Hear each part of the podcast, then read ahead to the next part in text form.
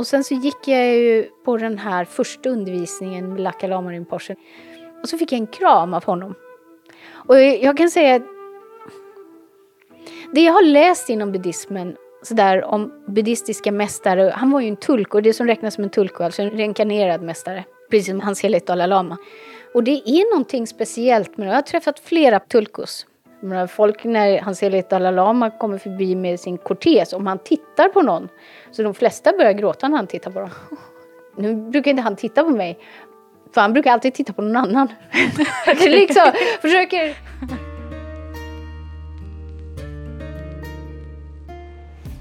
Jag heter Josefin Turesson Kämpe.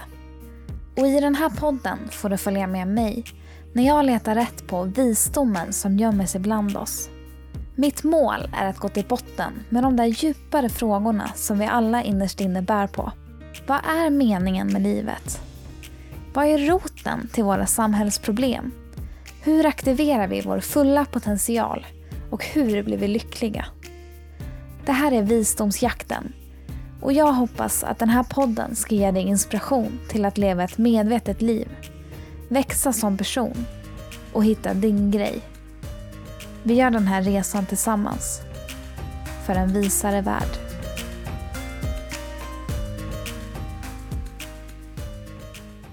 Jag har verkligen längtat efter att få dela den här intervjun med er.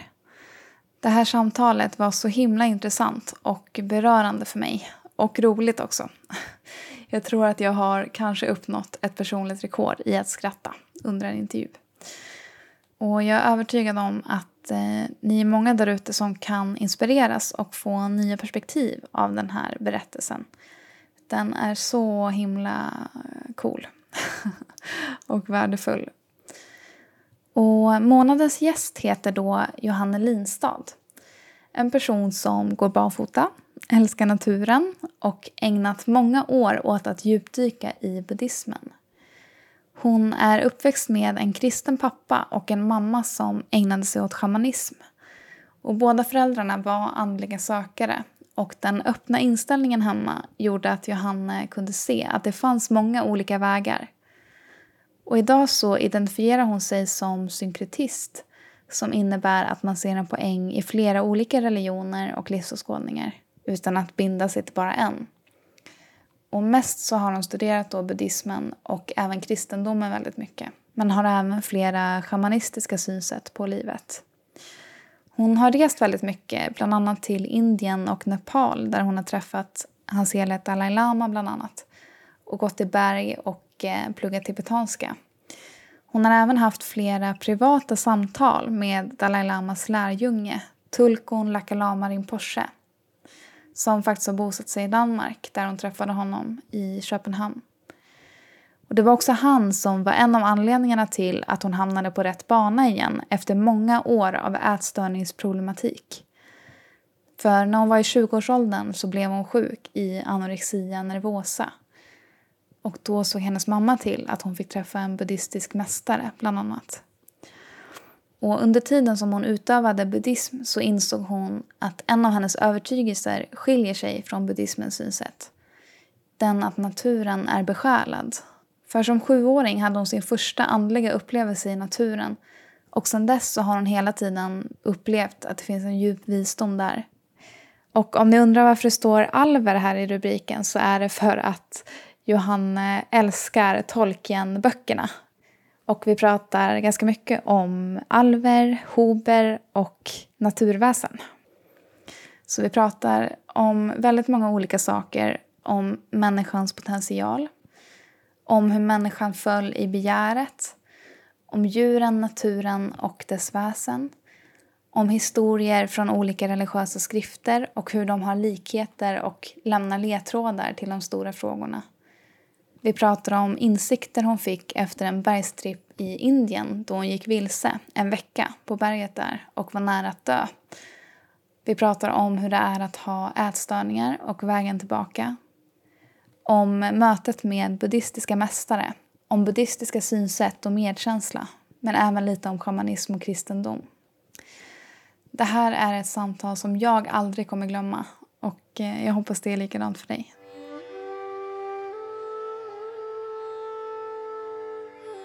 Hej! Hej! Kul att ha dig här. Ja, det är väldigt kul att vara här. Ja, och du har ju åkt tåg här hela dagen här. Från Falköping. Ja. Har du tänkt någonting, typ när du åkt på tåget idag? Hur det känns att vara med i podden idag eller har det varit nej, jag har nog mest tänkt att jag, jag tänkte att när vi talades vid sist, så jag kommer inte ihåg om det var eh, över Messenger eller om det var WhatsApp. Eller. Ja, det var nog Messenger. Så kommer jag ihåg att det, det var en solig dag, jag satt ute och jag kände mig ganska pigg den dagen. Och idag när jag åkte upp så kände jag mig ganska, för jag hade sovit ganska lite och sen så fastan och sen så, så jag hade inte så mycket energi och mycket tankar på andra saker. Så tänkte jag, himmel, jag måste ju ha gett ett helt annat intryck när jag satt där i trädgården. Liksom bara, oh, pigg och glad och så kommer jag bara, åh. Sömnig och disträ, hungrig. Jag tyckte inte att du gav ett sånt intryck. Du gav ett positivt intryck. Ja, ja, men det är bra. Men det, det är alltid kul att se någon för första gången. Jag hade ju bara sett det på Facebook, profilbilden. Jo, det brukar ju inte vara så där jätteväl överensstämmande. Den, den är ju, dessutom, man ska ju komma ihåg att det är inte jag som är hans heligt Dalai Lama. Det är inte du som... Är hans heligt Dalai Lama. Du är inte Dalai Lama? Nej. Nej, jag Nej. trodde... Nej, jag tänkte, profilbilden kan ju vara lite missvisande. Så där liksom typ 84 pers, hans heligt Dalai Lama i, i centrum. Ja, men du är ju med i den bilden? Jag eller? är med i den bilden, ja. ja. Så du har träffat Dalai Lama? Ja, precis. Ja.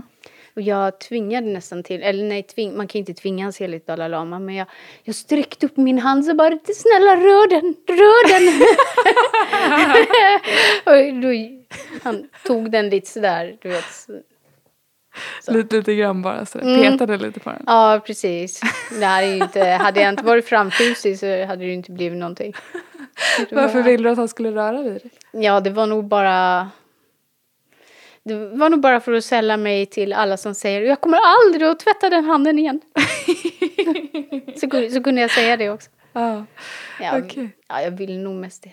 Bara Mm. insupa energin. Mm. När var det här nu? Länge sedan? Länge sedan var det. Jag tror det var 2010. Okej. För att jag, jag skulle plugga tibetanska för första gången. Och så var jag där och sen så just det året så skulle alla sponsorerna till det projektet som jag hade varit på fältarbete för att forska om året innan. De kom.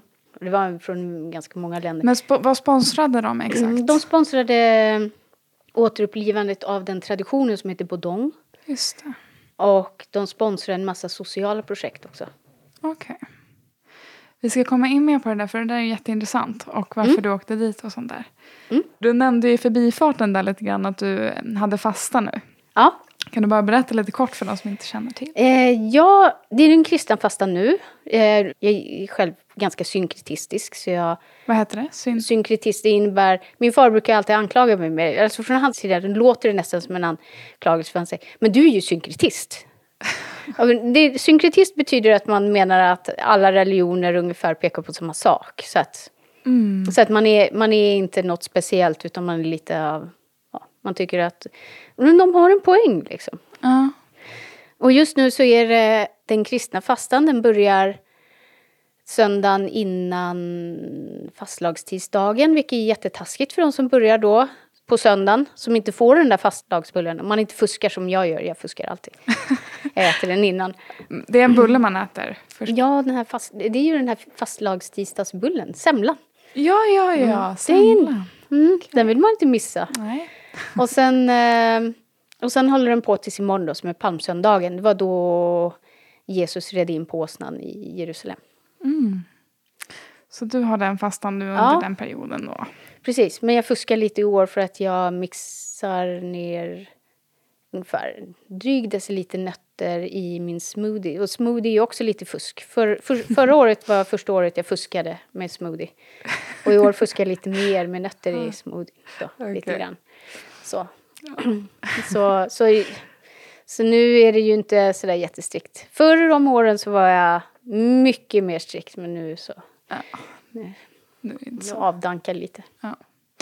Och anledningen till att du fastar, Mm. vad var det? Anledningen är... Dels första gången så var det för att jag fyllde... Ja, just det, det kom jag på nu. Ja. Första gången jag gjorde den här fastan, inte första gången jag fastade överhuvudtaget, men första gången jag gjorde den här fastan, det var det året jag skulle fylla 30. Och nu var det ju så att när Jesus gjorde sina 40 dagar i öknen så var det det året han fyllde... Nej, det var inte alls det året han fyllde 30. Nej, nu, nu ska vi se. Först var han 30 dagar i öknen. Just det var samma år jag skulle, när jag skulle fylla 30. Det var då. Mm. Det måste ha varit då. Mm. För det var innan han började undervisa. Och det var när han kom tillbaka och började undervisa. Då var han 30, för han undervisade i tre år. Så först var han 40 dagar i öknen och fastade. Och där så blev han ju frestad också av, av Satan, sägs det, av djävulen. Som lovade honom allsköns eh, jordiska rikedom. Han skulle få allt. Om han bara gick med Satan istället och lät bli det här. Mm, mm. Och det påminner ju väldigt mycket om för att Lord Buddha han satt ju under trädet i jag vet inte hur många dagar. Han bestämde för att han skulle sitta där och så satt han där tills han blev upplyst. Han blev frestad av Mara då som, som också är en typ av demonhärskarinna eller vad man ska säga. Eller ens egna okunskaper eller vad man nu ska säga. En massa illusioner och alla härskaror som attackerade honom då när han satt där. Mm. Så det påminner ju om varandra. Mm. Och då tänkte jag eftersom jag skulle fylla 30 år det året så skulle jag göra den här fastan. Och gjorde jag det det året, och det året så gjorde jag det väldigt seriöst. Då var det inga smoothies och sånt. Nej. Även om jag drack grönsaksjuice och sen visade det sig att det är ju faktiskt som en smoothie på grund av att det är passerad tomat i den där. Mm. Det tänkte jag inte på då, okay. under alla de åren. Så. Men jag blev trög i huvudet som bara den. Men du, du ville liksom känna hur det var för typ Jesus och... Eller? Ja, jag tror att det mer var... Jag vet inte riktigt vad det var. Det var nog dels någon typ av respektsak. dels att jag ville testa, se vad som hände. Mm. Jag tror mest var det. Och vad var det som hände? Jag blev, dum, jag blev dum i huvudet. Ja. Väldigt dum i huvudet. och då bestämde du, ah, det här ska jag fortsätta med. Ja, det här ska jag fortsätta med varje år. Jag vill bli så här dum i huvudet varje år. Men första året var, då var jag inte eh, helt frisk heller ännu. Från ätstörningsproblematik. Så att jag blev nog eh, dummar, mer dum i huvudet än vad jag skulle ha blivit om jag gjorde en lika strikt fasta nu. Mm. Men då var det, jag drack otroligt mycket te med otroligt mycket honung i. Jag satt på ett café i närheten av komvux och till slut så tog de bort honungsburken när jag kom. De sa att de gick back på att jag kom dit. ja, och jag erbjöd dem att köpa en burk honung som de kunde ha på hyllan så de kunde ta fram när jag kom. Men det ville de inte. wow, okej. Okay. Mm. Och ändå är det sådär, det är så populärt det där kaféet så att de satte alltid in mig i en liten hall när det var lunchtid. För att, de, för att lunchgästerna skulle få plats. Och sen kunde jag flytta ut efteråt. Och de, de har så otroligt mycket kunder så det är ju inte det att de blir ruinerade på att de går back på mig. Men nej, nej de vill absolut inte göra det i alla fall. Okay. Okej, okay. men just det, fastan. Jag funderar på om vi ska börja från början lite grann. Ja, från... Mina från... föräldrar, de träffade... Ja, nej, vänta nu. jag, jag tänkte börja ställa den här frågan för jag tycker det är lite roligt. Ja. Vem är Johanne Linstad? Oj, det vet inte Johanne Linstad. ingen aning? ingen aning, nej. Det är, jag, verkligen inte. Namnet känns konstigt när du ställer det på den frågan. Jag tänker liksom bara, nej det där låter inte som jag. Mm. Det låter väldigt konstigt, det låter som någon väldigt abstrakt. Okej, okay. men det är ditt namn? Eller? Ja, det var det namnet jag fått, fått och, och det som jag säger att jag heter också. Ja, varför tror du att det känns abstrakt då? Jag vet inte, nog för att jag inte identifierar med mitt namn. Ja. Så, så om man frågar mig med mitt namn så bara, va? Men det är ju inte jag. Mm. Det är bara någon typ av, ska man säga, en, en titel eller ungefär som man sätter ett namn på en låda och skriver skruvmejslar. har det alltid varit så eller har det hänt någonting som har fått det att... Uh, jag, vet, jag tror att när jag var liten, jag hade väldigt mycket fantasier. Dels så var jag ensam barn, jag har inga syskon. Sen när mina kusiner inte var där så var jag ju själv. Och jag lekte och jag fantiserade. Och jag byggde upp en hel värld. Så min mor läste också Bilbo och Tolkien för mig när jag började när jag var sex. Så att jag, det var ju liksom som min bibel. Hela min värld mm. var alver och hober. Mm. Och jag försökte odla krullor på tårna men det blev inga. Men det var nog därför jag började gå barfota så mycket antagligen. För jag skulle ha hoberfötter. Ho alltså hoverfötter? Hoberfötter. Hob Heter det Hob? Hob. Hob menar du Hobbitarna? Ja, precis. Ah, okay, okay, Men okay. på svenska så heter de ju Hober. Ah, okay. Eller ja, i alla fall så jag har sagt. Jag vet inte om de heter det. Men jag har alltid kallat sagt Hober. Och du ville ha likadana fötter så Ja, därför precis. började du gå barfota? Ja, jag tyckte nog om att gå. Jag gick ju barfota innan, men då blev det ännu mer. För Nej. då ville jag inte ha skor alls. Då skulle jag odla krullor. När pratar vi om ungefär? Ja, när jag var sex, sju år då. Sex, sex år. Okej. Mm. Och eh, du går ju fortfarande ganska mycket barfota. Ja, jag odlar dem fortfarande, men det, det blev bara ett stort krulligt hårstrå på stortån. Men alltså, bortsett från det här med hobbit, eh, eller Mm. hobby. eh, Ja, vi Ja. kallar dem för hobbit. det är bara jag som har... Var det någon annan anledning till att du ville gå barfota?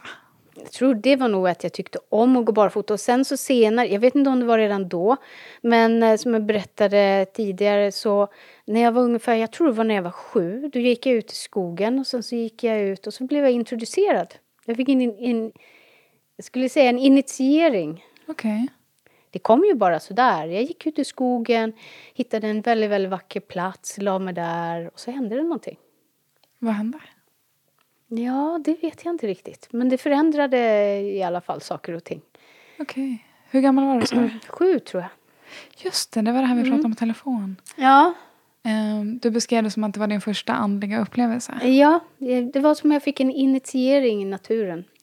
Vad betyder initiering nu igen? Initiering i alla fall, det används väldigt mycket inom buddhismen och jag tror det används inom kristendomen också. Det är ju någon typ av, eh, en typ av ritual. I det här fallet så en typ av energiöverföring eller en typ av introduktion skulle man väl kunna säga det. Fast det är en introduktion som inte är intellektuell. Det finns en bok som heter In Sorcerer's Shadow som är skriven av en antropolog som heter Paul Stoller. Han fick äta en massa konstiga saker som liksom var som en eh, blandad gegga som smakade jätteilla. Men det funkade. Det var någon typ av kraft. Alltså han fick förmågor av det här som han åt som han inte hade haft innan. Så att det funkade ju på det viset som hans mästare sa, även om det mest såg ut som en gröt och han inte förstod varför. Så initiering är ju någonting sånt. Det är någon typ av kunskaps eller kraftöverföring eller någonting sånt. Det händer någonting. Egentligen så är det väl konstigt kanske att säga att det inte var någonting som inte fanns innan, för det finns nog innan. Men vi kanske inte kommer åt det. Så man kan väl säga att en initiering mer är som en nyckel, eller en infusion kanske. Ja, som Få att du, fart på det. Ja, som att du får en Sätter vitamininjektion. Du har ju förhoppningsvis alla vitaminer och mineraler inom dig som du behöver. Men om du får en liten shot då kanske det sätter fart på det hela. Så det är inte bara får det som du får utan det sätter igång det som du har också. Mm. Och när du låg här i skogen, Mm. vad var det som liksom skiftade? Ja, då var det nog mest att jag låg där och det var väldigt skönt i mossan.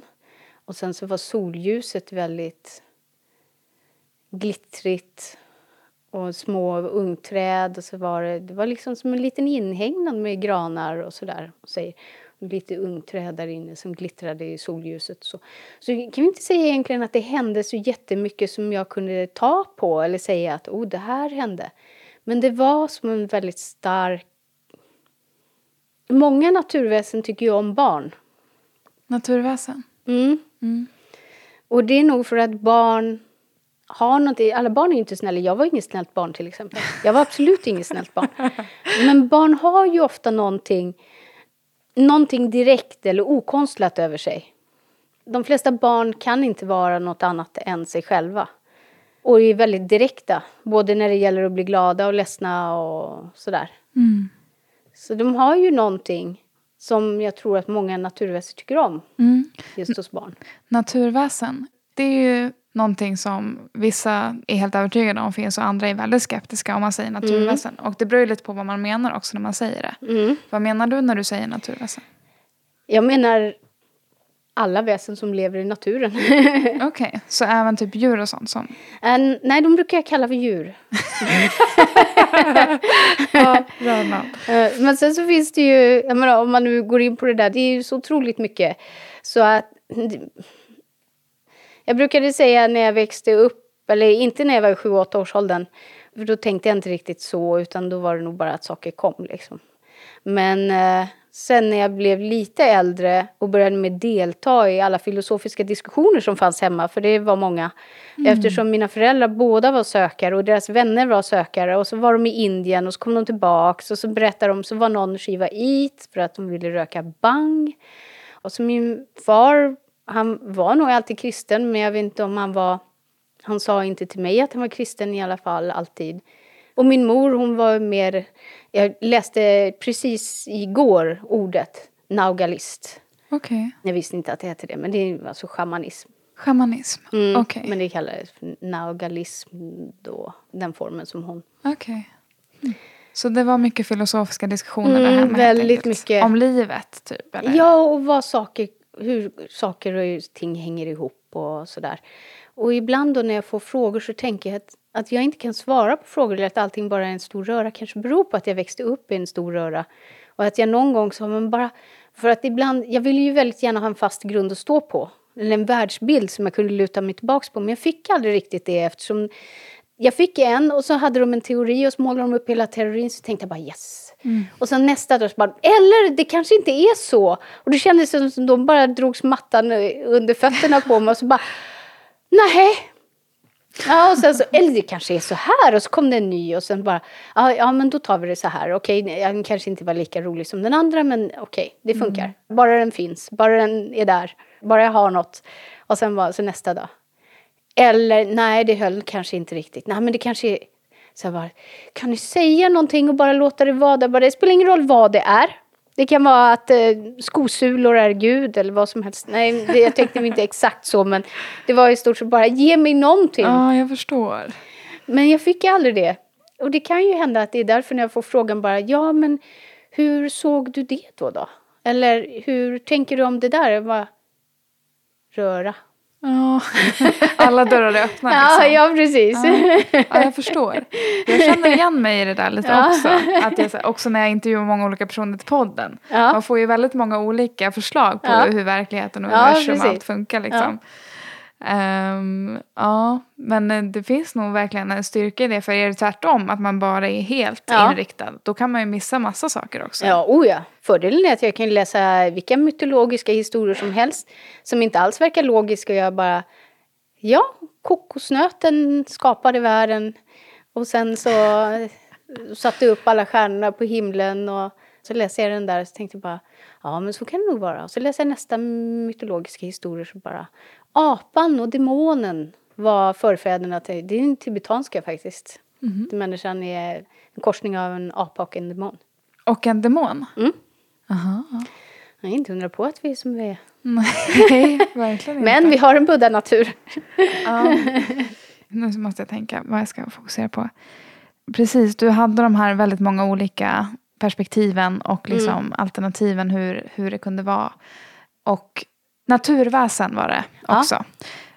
Ja. vad, vad var det som liksom, för du sa att det är allt som lever i naturen, men inte djur och sånt. Nej, för jag brukar kalla djur för djur. Ja. Men det är väl för att jag vet att, eller inte vet och vet, naturväsen kan ju ta form av djur också. Okej. Okay. Men, men vad är naturväsen Tror du? ja. Det, jag kommer nog inte på något annat än att naturväsen är väsen som lever i naturen. Och sen skulle jag ju säga att naturväsen är väldigt många... En del kanske säger att hober inte finns, andra kanske säger att hober finns. Jag vill inte säga att hober inte finns för då blir jag ledsen. så, så de finns för mig. Mm. Och sen kanske de finns också. Jag menar, inte bara för mig utan för sig själva också. Mm. Eh, och sen tomtar. En del säger ju att att förlagen för tomtar är faktiskt alver. Och att alver inte alls ser ut som alverna i Sagan om ringen. För att alverna i Sagan om ringen är mer som människor såg ut när människan föll. Mm. Att det är alltså så, att alverna som illustreras i Sagan om ringen är faktiskt vi. Men det är bara det att det var så länge sedan och vi har fallit så mycket så nu är vi mer lika orker än alver. Om man säger. Ja, I alla fall om du frågar mig då. Ja. Um, okay. och att alver faktiskt är mer lika vår bild av tomtar. Ja. De är ganska små. Tolkien har ju skrivit väldigt mycket och hans son, Kristoffer Tolkien, han grävde ju runt i de här papperna ända från 1917. Och då kommer man ifrån att även Tolkien beskrev alverna som faktiskt ganska små i början. Mm. Ungefär storleken av ett tioårigt barn. Och att allting som de hade var smått. De hade små båtar, små, allting var smått. Mm. Dörrarna var små. Men har du sett... Eh... Alver? Ja. Tomtar? Har du sett tomtar? Eh, jag har inte sett alver. Jag har mm. inte sett tomtar. Men jag har känt dem. Okej. Okay. Det är med ett annat sinne liksom? Eller vad menar du när du säger känt? Ja, det kan man väl säga till ett annat sinne, ja. Man kan känna närvaron av... Det är en speciell typ av känsla. Min far är jättebra på att hitta sådana platser. Okay. Det är helt fantastiskt bra. Men jag tror inte han vet det själv alla gånger. Det finns väldigt många olika typer av alver. Nu pratar jag som om jag vet det här, bara så här är det. Men det här är ju, allting är ju från min synvinkel. För man, det ska man inte glömma bort. Nej. Jag sitter inte här och, och, menar att jag sitter på sanningen. Liksom. Mm. Jag bara berättar min världsåskådning. Ja, ja men exakt. Mm. Vad är naturen för dig, skulle du säga? Andlig. Mm. Väldigt andlig. Jag skulle säga att som jag, tänker, jag har tänkt på det senaste dagarna också, jag har tänkt på det mellan varven för det går lite i vågor, ibland så blir jag så upptagen av allt, vet, plugg och sånt så jag tappar ju helt perspektivet.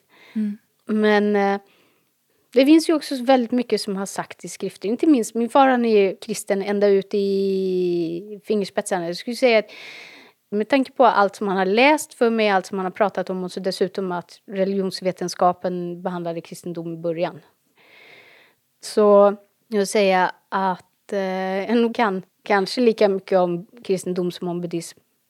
Fast jag är inte säker.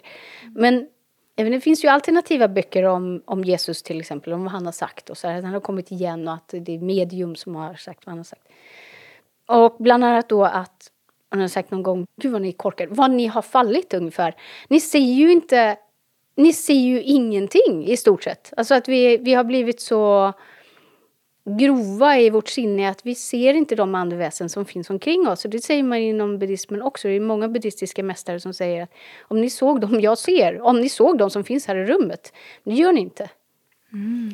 Så det där att man känner, eller en del ser ju, som min gammelmormor ska ha varit synsk, hon såg en tomte. Men är det också så andar och sånt som mm. har gått vidare? Alltså folk som har dött? Att det är själar? Ja, det, som jag fick lära mig av min mor i alla fall, eller som hon sa, så andar som har dött ska ju helst inte vara kvar. Om de är kvar så beror det oftast på att de har fastnat då mm. på grund av något trauma eller på grund av att de är väldigt bundna till några som är kvar, att de liksom inte vill fortsätta. Eller på grund av att de är så långt, jag menar, en långt kommen naugalist eller en, en, en nagpa som det heter inom buddhismen då som har kommit långt, de kan ju göra som de vill. Om de vill stanna kvar så stannar de kvar. Ofta sägs det att nagpas, de, så länge de har familjemedlemmar, då vakar de över dem. Liksom. De kan vara minst lika obehagliga för någon som inte vill deras familjemedlemmar väl när de har dött som de var i livet. Mm. Mm. Ungefär som Remember the Force, Luke Skywalker. du är ett litet sci-fi och fantasy-fan, låter det som. ja, jag har inte hållit på så mycket med... Fantasy var väl Sagan om ringen, men jag har... Men jag, för mig är det ju inte fantasy, för mig är det ju... Aha, the på truth. Okej. Okay. Men mm. en fråga bara, det här som du sa att Buddha sa eller var det Buddha som, nej det var buddhistiska mästare mm. som sa att det finns andra här i rummet som mm. ni inte ser. Vad tror du han menade med det? Jag tror han menar, för du frågade vad jag menar med naturväsen. För mig är det nog ett paraplybegrepp av alla som jag inte vet vad de är. Okay. Så, så att det är, men inklusive alver. För att det är ju alverna som jag tolkar i alla fall, till exempel inom eh, fornnordisk eh, mytologi, de som kallas för naturkonstnärerna, skulle jag säga är alver. Mm. Och en intressant sak är att i en av de här kristna, tror den heter uh, Teachings for an Awakened Humanity eller något sånt. Mm. New Teachings for an Awakened Humanity. Något mm. sånt. Mm. Då Jesus ska ha talat genom ett medium. Så pratade han om tolv olika universum. Det här är det tolfte. Universum? Mm. Ja, okej. Okay. Och sen så var det, om det var tionde eller nionde, ja jag kommer inte ihåg vilket. Men där var det i alla fall naturkonstnärerna och en del av dem, de gick frivilligt därifrån och hit. Hit. För, till jorden. Ah. Tol- Tolfte universet. För att beskydda och ta hand om växterna. Mhm. Naturen. Och då har jag tänkt, men det låter ju som alver. Att det finns alver som kommer från ett annat universum som är här Mm. för att ta hand om jorden typ. Precis, för att ta hand om naturen. Okej. Växterna och, och djuren säkert. Men, men som jag själv tror, för jag har ju min egen, nu kommer jag ju från någon typ av mischmasch av allt möjligt. Ja. Men jag har ju skapat, eller har ju min egen Filosofi. eh, filosofi. Och en intressant sak som jag har tänkt på de senaste dagarna och som jag har tänkt på innan också. Det är att det sägs inom buddhismen att vi har en buddha-natur. Men vi är inte buddhas eftersom vi inte är upplysta. Så det Lord Buddha gjorde det var ju att han satt under trädet tills han såg saker som de verkligen var. Det är så jag tolkar det i alla fall. Det vill säga att han såg inte saker längre från sitt subjekt. Skulle man väl kunna säga. Alltså filtrerat genom sin... Mm, precis, för man, annars så filtrerar man, åtminstone som jag menar, så kan man inte se saker objektivt för man filtrerar allting genom sina subjekt. Mm. Utifrån den kunskap man har då. Och sen så sägs det ju att vi har en gudsnatur men vi är inte Gud. Mm. Och det måste ju vara ungefär samma sak tänker jag. Och sen så Johannes döparen, han fick syn på Jesus. Nu är frågan då, är vi människor? Tänker jag. För när Johannes döparen verkade där vid Jor- Jordanfloden var det väl tror jag Mm. och fick syn på Jesus, hans kusin, så sa han se människan med stort M då. Då är ju frågan, se människan. Okej, vad är vi då? Ja. Vänta här nu, måste jag tänka. Mm. Varför menar du att vi inte skulle vara människor då? Mm. Jesus sägs ju vara Guds son. Men det kan ju diskuteras. Det fanns många riktningar inom kristendomen. Det fanns de som menade att han var en profet och så vidare. Mm, Så- mm, just det. Men Johannes sa då se människan med stort M tror jag att det Ja. är i Bibeln. Eller den. Han sa det till... Han sa det till de som var samlade, som han döpte ju folk där. Ja, Och så fick okej. han syn på Jesus sa han se människan när han kom. Han syftade på Jesus när han sa se människan. Okej. Och Jesus sa ju senare, inte kanske exakt då, men i det sammanhanget när han var där vid Jordanfloden, har jag för mig i alla fall, jag kommer ihåg det rätt. Han sa, följ mig, bli som jag. Mm. Okej, bli människor då eller? Just det. Jag tänker att vi är människor, men vi inte, alltså att vi har potentialen i alla fall. Ungefär som vi har en Guds natur eller en buddha-natur. Men om Jesus är människan, Mm. då är ju människan inte någon som springer runt och beter sig som eh, du vet, glad i ena sekunden och ledsen i nästa och elak och avundsjuk och, och så rätt vad det är jättegenerös och sådär. vet. Vi, Många av oss hattar ju, inklusive mig själv, väldigt mycket mellan olika känslor. Och vi gör ibland bra saker och vi gör dåliga saker och vi har bra känslor och dåliga känslor och så vidare. Mm. Men jag menar ju att det är inte det som är våran innersta natur. Och det kan göra mig väldigt sorgsen ibland. För jag tänker ibland, jag har sett också dokumentärer där det har varit djur som har trasslat in sig till exempel i någonting, nät eller någonting i havet. Och de har kommit och sökt sig till människor. Och då blir jag ofta så sentimental, för människan är ju ett riktigt skräp på jorden idag. Ja, men det finns ju jättemånga som gör gott. Jag menar, det finns ju människor som verkligen försöker kämpa för att det ska bli bättre och vill bevara naturen. Och människor som lägger hela sina liv på att rädda hundar och, och så och samla in pengar och de gör helt fantastiska saker. Så det är inte det jag menar. Men att människan, om man tittar på mänskligheten som helhet så förstör vi ju planeten. Vi jagar djuren, vi har djurfabriker, vi, vi utsätter dem för fruktansvärda lidanden och de är jätterädda för oss. Det finns ju ingen varelse som de är så rädd för som de är för människor om man tittar på de vilda djuren. Generellt sett då. Men ändå så finns det, som jag ser det i alla fall, så finns det någonting i dem, särskilt kanske i de havslevande som delfiner och valar som räknas då som väldigt, väldigt intelligenta och sådär. En del menar ju att de har, från en del kulturer menar att de har ursprung från andra planeter och sådär också. Att, de, att det är väsen som har kommit hit. Okej. Och, och en del att det är våra förfäder också.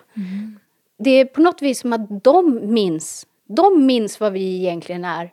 De kommer till oss för att be om hjälp när de hamnar i en sån situation. Men vi minns inte vilka vi själva är. Och det där kan göra mig jätteledsen ibland. Och också när jag ser, nu har jag ju själv skaffat körkort. Men när jag ser till exempel ett djur som har blivit ihjälkörda på vägen och sådana saker.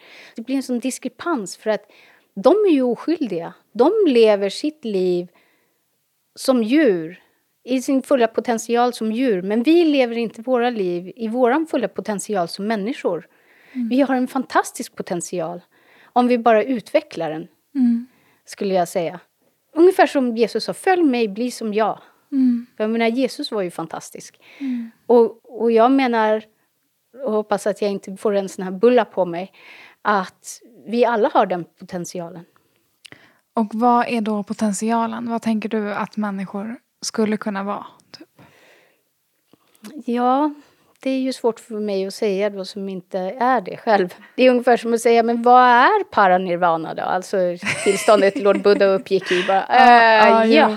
Men, men har du någon liksom så fingervisning om mer av det här och mindre av ja, det här? jag skulle ju säga att människan, eller som min, min far då, han är bra på att uttrycka saker och har haft väldigt många visioner. Han har berättat om dem för mig och att han har sett människan så som den hon verkligen är mm. i en vision. Han var sju år. Mm-hmm. Jag fick ju en helt annan initiering än vad han fick. Jag fick ju en initiering i natur, men vi är olika när det gäller det också. Ungefär på samma sätt som hon säger att det är en skillnad mellan Jehova och Bal. Mm. Väldigt lika, sägs det. Och kärleken som sitt högsta. Men det är kärleksfulla gudar båda. Det är bara det att Jehova prioriterar människan och Bal prioriterar djuren. Mm. Och det är ungefär skillnaden mellan min far och mig. Okay. man kunna säga. Mm. Uh, men han säger ju det att människan är kärlek, säger min far. Mm. Och jag menar att han har rätt. Men sen så när det kommer till det subtila så, så har vi lite olika syn. För att han menar väl mer att allting är mer konstant uppdelat. Medan jag har mer den buddhistiska synen att bara för att vi är människor den här gången, det innebär att vi har i och för sig potentialen som människor har. Och om vi tar chansen, då kan vi bli människor till fullo. Men det innebär inte att vi inte kan återfödas som en hund till exempel nästa liv. Och då har vi ju hundens potential och mm. kan utvecklas som hund till fullo. De är väldigt bra på det. Men vi är väldigt dåliga på att utvecklas som människor till fullo. Mm. Som människor. Och det är väldigt sorgligt skulle jag säga. Mm. För om människan verkligen gjorde det och människan verkligen var kärlek, då tänker jag vilken värld det skulle vara. Det skulle inte finnas någon ondska. Nej, inget krig i Ukraina. Nej. Nej. Precis. Men när du blir så här sorgsen över det här med djuren och det. Ja. Vad är det som gör dig så, tror du? Att jag blir sorgsen? Ja. Att jag blir sorgsen beror på att vi inte utvecklar, och det gäller ju mig också, att vi inte utvecklar vår potential. Och jag tror att sorgsenheten kommer sig av att djuren vet någonting som vi själva inte vet. Att vi har alltså fallit... Så min far brukar säga att det var människan som föll.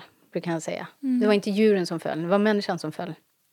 Det, det gick snett till, någonstans. Typ. det gick snett någonstans, ja. Och det är väldigt konstigt det där. För att det står i Bibeln till exempel att Adam var tillsammans med Gud.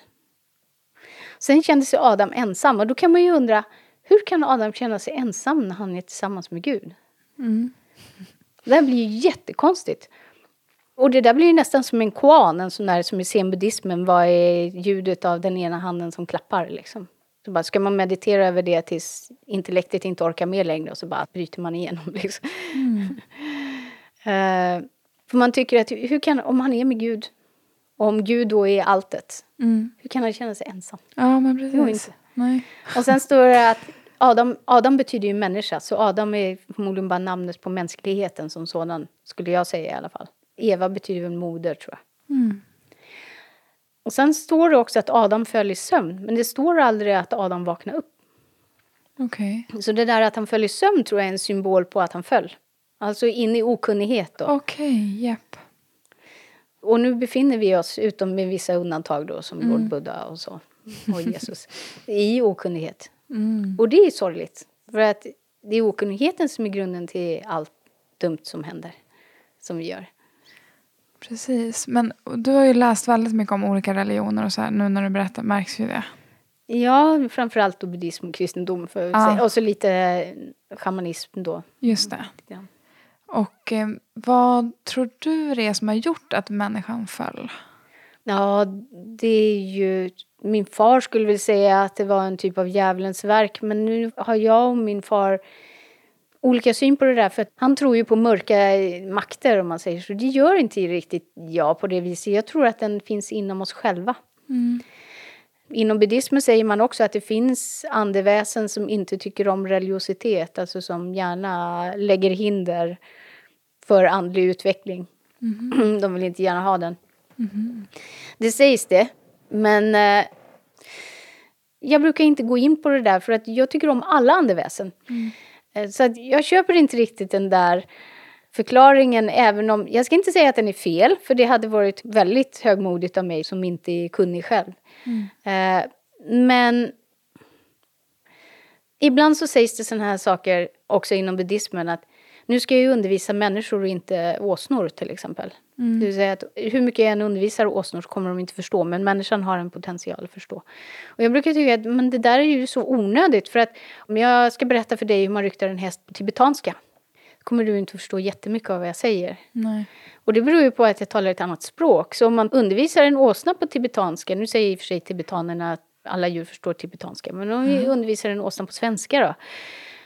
Då kan det ju lika gärna vara att åsnan förstår inte svenska. Vi kan inte åsnespråk. Mm. Många gånger tänker jag, men man kan ju bara lämna djuren därhän och inte spekulera så mycket i vad de har för potential när det gäller att förstå filosofiska saker. Mm. Du tycker den delen är lite onödig inom Ja, buddhismen? precis. För jag tänker, för det Ja. har ju ingenting med våran utveckling att göra. Vi kan ju koncentrera oss på oss själva ändå. Jag menar, blir vi så bra så att vi blir upplysta, då lär vi veta det. Då, lär vi, då vet vi vad de har för potential.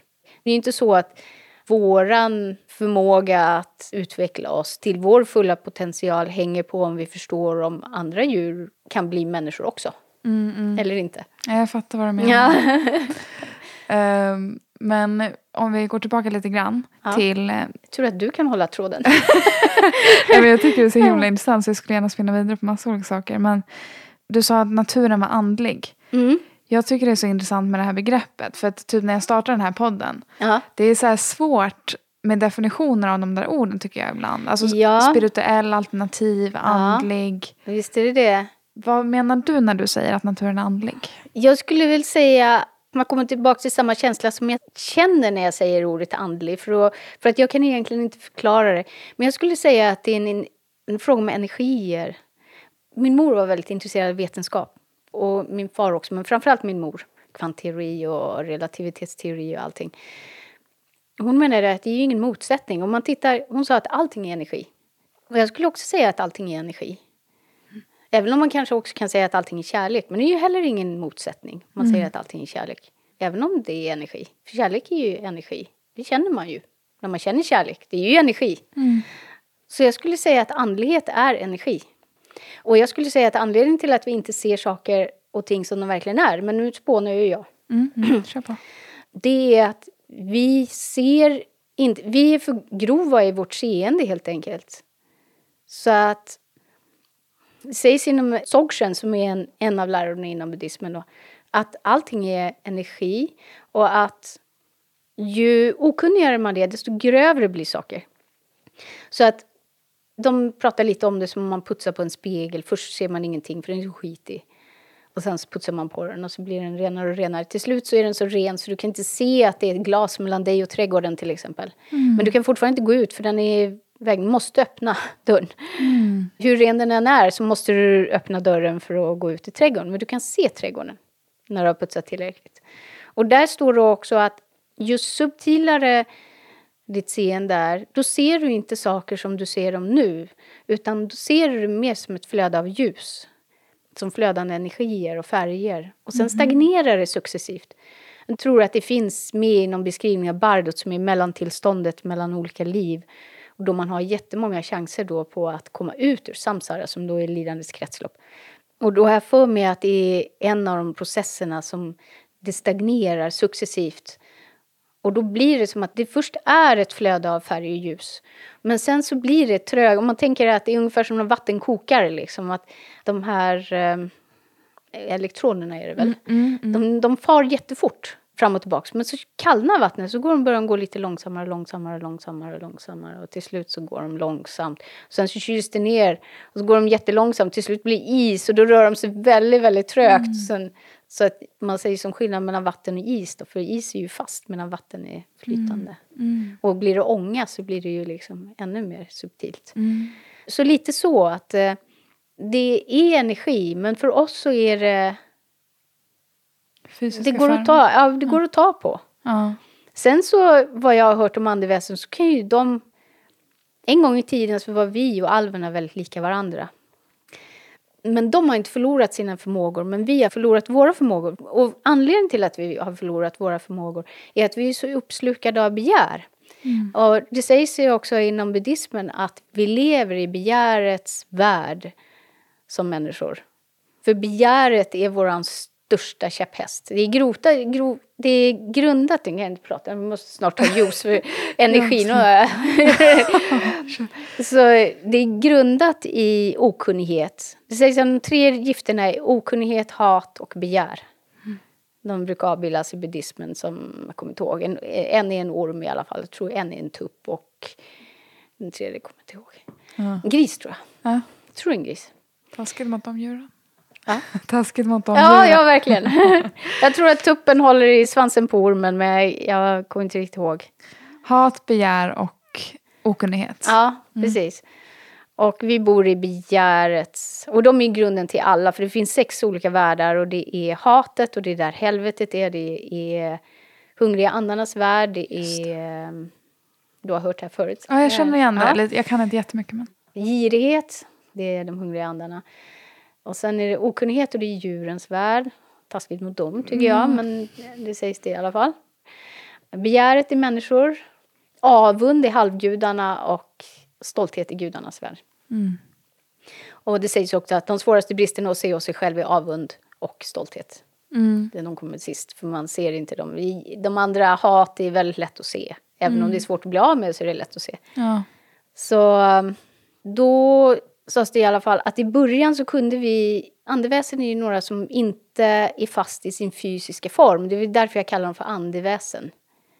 De kan ta en fysisk form men de kan vara utan en fysisk form. Alltså de är ju, man skulle beskriva dem som kompakt energi, men de är inte som oss fast i materien på det viset. De kan mm. röra sig i materien en del, särskilt inte minst jordandar som kan röra sig som ett kraftfält i Alltså man har sett en del science fiction-filmer är ju jättebra på det där, en del som man har sett. Inte minst då om det är såna här som skräckisar.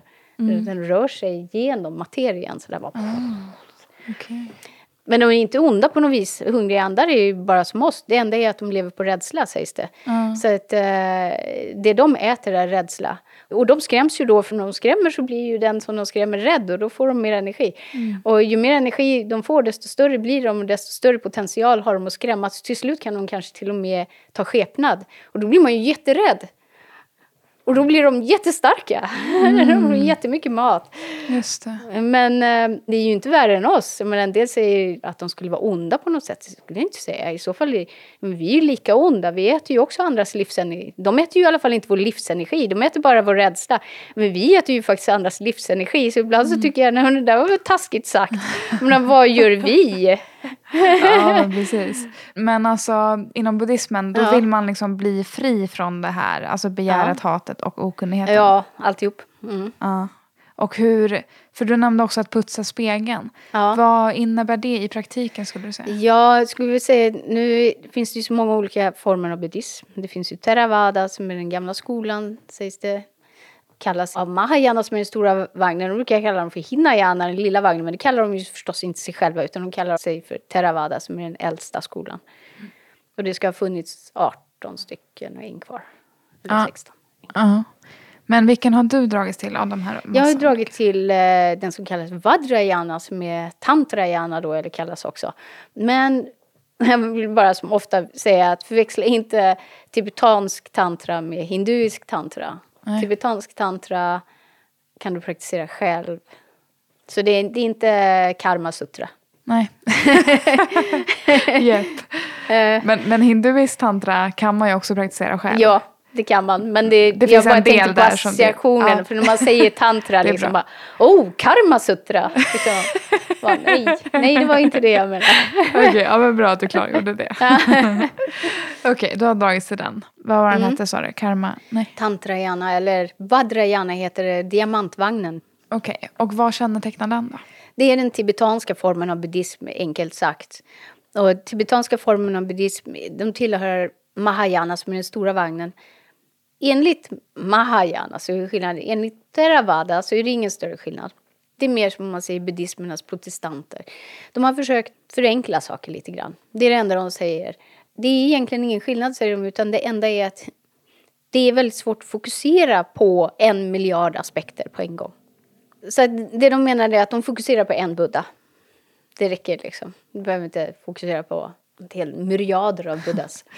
Utan det räcker med en. Buddha Shakyamuni som var den senaste buddha och som då visade vägen till upplysningen. Och sen så säger man inom Vajrayana, ja men Hinayana eller inom Theravada, den äldre skolan, de fokuserar bara på sig själva. De vill bara befria sig själva från samsara och de struntar i alla andra. De blir upplysta och sen bara bye bye, ha så kul där nere. Va? Och så sticker de. Medan de menar att ja, men det är inte alls så, det är ju bara det om du inte räddar dig själv, hur skulle du kunna göra något för de andra? Det går ju inte. Det är som en, man sätter en eh, skalpell i handen på dig och bara, ja men vi har en eh, hjärtpatient här. Du vill ju hjälpa till, sätt igång. Ja, precis. Men kännetecknande då för den som du har resonerat starkast med om man säger. Vad är det som har resonerat med dig mest i den här inriktningen? Ja, det är väl det att... Ja, egentligen var det ingenting. Det var... Det var nej, nej, men det är faktiskt sant. Det var så här. Jag var väldigt sjuk. Och min mor var väldigt engagerad i att hjälpa mig. Och sen gick hon och höll på med någonting i sin lägenhet bara men hon väntade på något. Jag kommer inte ihåg vad det var. Eh, men hon hade tvn på. Eller hon satte på tvn. Och så fick hon syn på en liten, liten man som stod på ett torg i Köpenhamn. Och så fick hon bara en känsla av den där personen skulle kunna hjälpa till. Så hon ringde dansk tv, för det var dansk tv. Så ringde hon och frågade runt där, för de- fick fråga runt lite, för de kom, visste inte vem det var. Så fick hon ringa till några personer och sen bara, ja men det är Lacka Lommarin Porsche som är i, i Köpenhamn. Vem var det då? Uh, Lacka Lommarin Porsche numera nästan helt döv. Men han startade ett, en, en organisation som heter Tibet Charity. Han eh, är född 1942 från Batang i Tibet. Flydde samma år som hans helhet Dalai Lama, det vill säga 1959, till Indien. Han flydde lite före som en sån här förtrupp. Sen blev han, var han del i exilregeringen. Sen hade han en vision om att han kom till ett lerigt, blåsigt land någonstans. Vilket visade sig vara Danmark. Han skulle egentligen till Finland. Han var inbjuden till Finland och så kom han till Köpenhamn. Och så skulle jag vänta på flyget och så kom det en man och frågade honom men vad gör du? Jag väntar på flyget till Finland. Men varför då? Det har redan gått. Aha, det har redan gått. Okej. Och så blev han hembjuden till dem. Och sen så, jag kommer inte riktigt ihåg hela historien. Han kom till en plats i alla fall som visade sig att han hade sett henne i en vision. Där han bodde i början i Danmark. Sen så blev det att han gifte sig och han stannade där. Och han, han, Han gifte sig? ja, Men han, han var buddhist väl? Ja, och han var munk också. Han så att han, eh, han skrev först till hans heligt Dalai Lama och bad om anstånd att inte vara munk längre. Jaha. Men han var ganska nära Dalai Lama eller? Mm. På vilket sätt? Var han Han var ju lärjunge? fortfarande, ja, han, Ja. Ser ju, han ser ju hans heligt Dalai Lama som sin mästare. Okej. Men då går vi tillbaka till Danmark här. När Mm. din mamma såg honom på tv och ringde. Vad hände sen? Sen så fick hon veta vilket center det var och då kom hon dit för att träffa honom en gång. Bara för att säga att hon verkligen, hennes intuition var rätt. Och sen så tog hon med mig bara till en allmän undervisning. Och jag satt där och frös mest. Men får jag bara fråga, vad, Mm. vad var du för sjuk? Vill du berätta? Jag hade, jag ska inte säga svår form, men jag hade grava ätstörningsproblem i alla fall. Så jag hade anorexia nervosa. Så eh, jag var ett sån här som man tog i kragen och så skakade man lite så bara skramla skelettet. Liksom. Okej. Och hur gammal var du då? Ja, det är en bra fråga. Alltså, jag var sjuk jättemånga år. Så jag tror jag började bli dålig när jag var runt drygt 20. Okej. Ja, Faktiskt så började jag av ofrivillig svält på grund av att vi inte hade pengar. Jag började plugga innan jag var studiemedelsberättigad. Då hade vi bara en inkomst och så hade vi två hästar och så en stor hund och ja, etc. Mm. Så det blev ingen mat helt enkelt. Mm. Vi ser, ser fram emot uh, silverte utan mjölk och socker. okay. Sådär, jättelyxigt om man fick socker eller mjölk, eller båda. Tepåse så kände jag mig rik. Oh. yes, högsta vinsten. Men det här var i Sverige, när du var, mm. bodde i Sverige? Ja, men sen kom den period när ni fick lite bättre ekonomiskt? Ja, eller? precis. Sen fyllde jag 20. Så det där var ju på våren innan jag fyllde 20. Men då var jag inte sjuk än och då var det svält. Okay. Och, och svält är ju inte... Menar, folk kan ju svälta nästan ihjäl och de får mat och de blir friska. Så att svält i sig sätter sig inte på hjärnan. Jag tror att det är en mental grej. För att då försöker du inte låta bli att äta. Då vill du ju ha mat jättemycket. Mm. Och skulle kunna tänka dig, jag kunde äta nästan vad som helst. När det är mjöl så blandade jag det med vatten liksom, och försökte steka det och så åt jag det. okay. Till min mors förfäran. Jag är så avundsjuk på dig som kan äta vad som helst. Eller lyckliga dig sa hon, hon sa inte vad hon var avundsjuk. um, men i alla fall, sen så fick jag blodad tand för jag började gå ner i vikt och det hade jag aldrig lyckats med och då blev det liksom att jag ville fortsätta. Så sen så småningom blev jag sjuk. Okay. Och då slutade det med att jag hoppade av sista terminen när jag gick ett sån här komprimerat eh, komvuxprogram där jag skulle gå då på två och ett halvt år istället för tre. Det var ju inte jättestor skillnad men man skulle läsa allt väldigt komprimerat. Mm. Och det var ganska tufft och sen så tog mina hjärnceller slut då på grund av svälten där. Mm. Så, så, att mitt i sista terminen hoppade jag av. Och sen tog det lång tid. Sen tog det sju år innan jag kunde börja på komvux igen och så fick jag då dispens successivt för att mina betyg gick ut. För de får inte vara mer än sju år. Mm. Det var ju därför jag också kom så sent in på universitetet och allting har gått väldigt trögt. Mm. Men det har ju hänt mycket. Jag menar, jag har varit i Indien och allt möjligt. Liksom. Men eh, när du började resa det där, var det mm. efter att du hade blivit frisk eller? Ja, alltså det kan ju diskuteras om jag är frisk. Idag? Ja, alltså 100 procent frisk. Ja. Det sägs att någon som, jag har hört det, att någon som har ätstörnings eller har haft grav ätstörningsproblematik blir aldrig riktigt frisk. Mm. Det är ungefär som en alkoholist. En alkoholist måste ju vara försiktig med alkohol hela resten av sitt liv. Mm. Och jag har ju de där tankarna. Särskilt när jag hamnar under mycket stress. Mm. Eller liksom saker som känns negativt. Mm. Då blir det väldigt lätt att det tar sig sådana uttryck. Att jag börjar se negativt på mig själv då. Mm. Hur, hur, ser du tillbaka på den här perioden idag, liksom? När du var sjuk? Jag, jag skulle säga att den var fruktansvärd faktiskt när jag ser tillbaks på den. För att när jag var i den så jag ska inte säga att allting var totalt mörker. Det var ju under ett, eh, väldigt många år. Och det hände trevliga saker under de här åren. Jag var mycket ute i naturen för jag hade kompisar som Framförallt en kompis, han såg ju att det mådde väldigt bra av att vara ute i naturen så vi åkte ut och tältade varje helg så där, ända tills vi var ute en gång. Då var jag så dålig så han vågade inte åka ut med mig igen. Um, efter det. Fast han sa, inte, han sa det senare till mig. Men han sa att Nej, men jag, det är kalas nästa helg, mm. jag kan tyvärr inte. Och så, mm. liksom, det blir massor med grejer som kom i vägen. Så det var det som hände. Men när det var som sämst, alltså mitt minne för den tiden är bara som någon typ av grått töcken. Jag hade ju tunnelseende, jag var fruktansvärt, jag är fortfarande väldigt egoistisk av mig, jag var fruktansvärt egoistisk. För att folk oroade sig ju men jag tyckte inte att det fanns någon anledning för att det var ju mitt liv och min sjukdom, eller man ska säga, eller mitt val. Jag tyckte mm. inte de behövde oroa sig. Men sen till slut så, min mor hade en guds tålamod och hjälpte mig. Men till slut så, så blev hon faktiskt förbannad för att det påverkade min mormor så mycket. Mm. Att hon eh, hade fått hjärtproblem och var så orolig och sådär. Okay. Till slut så var det ju bara att hon dängde till, alltså inte fysiskt men verbalt dängde hon till mig och sa du är så fruktansvärt egoistisk, sa hon. Och så berättade hon ju allt det här och jag blev ju helt ställd. Först så försökte jag ju försvara mig. Jag bara, men, men det, jag vill ju inte att det här ska hända liksom. Typ, det här är ju min grej. Och, och så bladdrade jag på sådär. Men det tog ju. Mm. Så jag tror att det var en del av det som gjorde att jag faktiskt vände. Så jag har tänkt på det ibland när det gäller sådana här saker. Att det inte alltid, jag har själv vänner som har ätstörningsproblematik. Eller som har haft eller som har. Hon ger ofta ett väldigt vekt intryck. Hon är ofta väldigt mentalt svag. En del blir aggressiva. Jag var inte särskilt aggressiv. Jag var mer att jag var väldigt, väldigt nervös och labil på det viset. Jag kunde börja gråta eller eh, framförallt var jag så otroligt rastlös. Jag är fortfarande rastlös, men det är ofta så att de drag man redan har, de förstärks. Mm. Och jag stod och vävde ungefär som nervös kapplingshäst från sida till sida, liksom, så framför fönstret bara. Mm.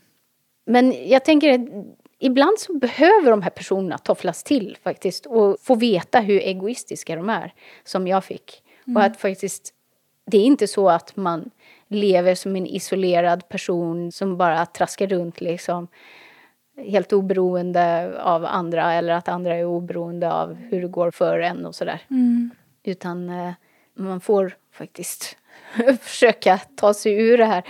Men det tog väldigt, väldigt lång tid. Ja. Jag hade nog inte klarat det utan, utan min mor framförallt. För min mor som räddade livet på mig rent fysiskt. Hon var fodermärsk och helt fantastisk på att räkna ut foderstater. Och hon tänkte att om jag kan göra det på djur så borde jag kunna göra det på människor. För då sa hon ju på skarpen till mig att den vikten som du vill ha, den är omöjlig. Du kan inte leva med den, det går inte. Så hon sa vilken som var lägsta möjliga vikt för att jag skulle kunna leva och få i mig alla näringsämnen. Och så kunde jag välja att ta den eller en högre. Mm. Och då tog jag ju förstås den. Mm. Så då gjorde hon en, en man säger, foderstat till mig mm. med ett träningsprogram också. Oh. Så att, eh, och jag var ju, hade kadaverdisciplin. På morgonen så äter du exakt så här mycket och sen dricker du ett halvt glas vatten. Och så, och så jag, mm. Det var ju exakt samma varje dag. Ja. ja. Och så lite variation beroende på hur mycket jag tränade då. Okay. Jag dansade då. Så, och så ibland vissa variationer om det skulle visa sig att det är alldeles för insjunket efter dansen då. För jag hade ju nästan ingen underhudsfett. Så oh. om det sjönk in mer då skulle jag till exempel äta en halv dansk rågsmörgåsskiva med skrapat smör och lite en halv banan eller något sånt där oh. liksom, när jag kom tillbaka. Så. Men du sa att det inte alltid är dåligt liksom med... Det är inte alltid dåligt att bli arg på en sån att person. Arg, ja, att, ja.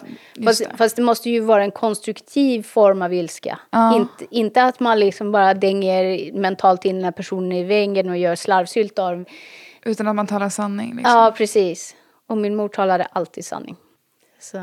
Men eh, något som jag tänkte på när du sa det där, det var ju kopplat lite till hur omgivningen upplevde den här situationen. Ja. Att de var oroliga för dig liksom. Ja. För att så som jag ser det ibland så kan det vara så här att om en person är väldigt orolig, att den personen måste ju också äga sin egen oro.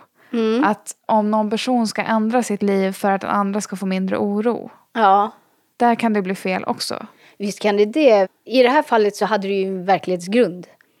För i det här fallet så var det ju verkligen, jag, jag blev hotad om tvångsinläggning och sådär. Men min mor gick in och garanterade att hon tog ansvar. Mm. det var därför jag inte blev tvångsinlagd. För hon sa att det var bättre att jag dog än att jag hamnade på en sån tvångsinläggning. För hon sa att det där trodde hon inte alls på. Och det gör ju inte jag heller. Att man tvingar folk, låser in folk på rummet och så, så om de äter så får de som belöning så får de ta en liten promenad i korridoren och så är det oh. tvångsmatning och sånt. Och hon sa att det där måste ju knäcka ett psyke totalt. Och hon menade att även om jag skulle överleva skulle jag aldrig bli bra. Mm. Och jag håller helt med henne, så jag har precis samma filosofi som henne när det gäller det där att tvång funkar inte. Nej. Eller, alltså, det finns ju många som har gått igenom det där och det finns även de som har sagt att det har varit bra att de blev tvingade på det viset. Men jag tror inte riktigt på det. Jag tror att det händer någonting när man gör sådana övergrepp på människors vilja. Mm. Jag tror inte att det är bra. Samma här. Men du insåg ändå någonting här som du inte hade insett förut. Mm. Vad var det du insåg? Jag insåg att jag var en skitstövel, skulle man väl kunna säga. En fruktansvärd egoist som bara tänkte på mig själv. Det var det jag insåg. Okej. Okay. Och att vara egoist, um, för jag har så en speciell relation till det ordet. Ja, det kan vara lite när Lacka la mig en Porsche som ju var den som jag gick på jättemånga privata audienser med honom. Mm. Sen. Det här var när du var sjuk nu, ja, om, vi, om vi går tillbaka dit då. Och eh, du besökte honom. Hur utvecklades det där? Det var, man kan väl säga att jag bodde hos en vän som jag trivdes jättebra tillsammans med när vi gjorde saker. Men inte att bo hos som jag gjorde då. Jag var beroende för att jag inte kunde vara själv. Men vi var väldigt olika. Vi tyckte jättemycket om att vandra tillsammans. Det funkade jättebra. Och också när vi lekte, vi sköt luftpistol i hans lägenhet och sådana saker. Pilbåge, jag har en pilbåge som sköt på vinden. Och sen när vi var ute och vandrade och vi cyklade och sådär. Men inte vardags. Han tyckte om att spela dataspel och han drog ner persiennerna och jag klarade inte mörker i lägenheten. Jag var ju nästan aldrig där. Han var liksom tungsint av sig när han var hemma. Så han var liksom ungefär som att gå in i sirap när jag kom in genom dörren. Så det funkade ju inte, men jag kunde inte ta mig ur för han var väldigt förtjust i mig av någon anledning. Och han hade hjälpt mig så mycket. Både, jag hade ju dålig ekonomi också. Särskilt innan då med sjukskrivningar och allting som blev. Och han hjälpte mig väldigt mycket på det viset. Han var otroligt snäll. Mm. Så jag hade dåligt samvete också. Han ville jag skulle bo hos honom. Ja. Men det funkar inte, jag bröt ner mig själv. Och han, mm. han var ledsen för att jag var alltid och tränade. Jag tränade nästan åtta timmar om dagen tror jag. Eller något okay. sånt. Jag tränade jättemycket då. Jag utvecklades från att jag hade anorexia nervosa till att jag blev det som kallades för ortorexi tror jag. Alltså träningsanorexia. Ah, ja. Och det var delvis en strategi från min mor, för hon sa att det var bättre för att då åt jag i alla fall. Jag skulle överleva på det viset, även om jag inte blev frisk så skulle kroppen klara sig. Och sen så gick jag ju på den här första undervisningen med Lakka Lamarin-Porschen när jag bara satt och frös. Och sen kom hans sonhund in i dörren också, eller stod i dörren till trädgården. Och det, det är min starkaste upplevelse, hon var en eh, uh, Siberian husky och så otroligt vacker. Så jag tittade på den.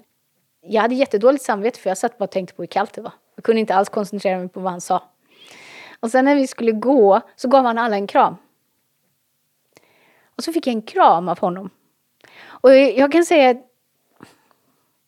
det jag har läst inom buddhismen sådär om buddhistiska mästare, han var ju en tulk och det som räknas som en tulk alltså en reinkarnerad mästare. Mm. Precis som Hans Heligt Dalai Lama. Hans Heligt Dalai Lama är nummer 14 i ordningen. Och jag tror att Hans Heligt Laka Lama i Porsche, han är 10, jag kommer inte riktigt ihåg vilken ordning det är. Mm. Men han, han räknas som reinkarnerade laman av Batang i alla fall. Och, eh, och så kramar han alla. Och det är någonting speciellt med det. Jag har träffat flera tulkos. Det är något väldigt speciellt. De här som går inom olika riktningar, de gör lite olika. Men inom den riktningen som man ser Dalai Lama tillhör, som är Gelukpa, gulhattarna då. De har 17 år utbildning inom sutra, som är alltså, säger textläsning. Inte Karma Sutra? Nej, inte Karma Sutra. Och, eh, utan eh, de texter som sägs vara Lord Buddhas texter. Mm. Hur många år sa du? 17. Okay. Efter det så tar de tantra. Sex år. Eller de söker in, så de måste ju komma in. De måste ju klara all sin examen. De har enormt mycket examen under den här tiden. Mm. Men om de är snabba då så tar det 17 år.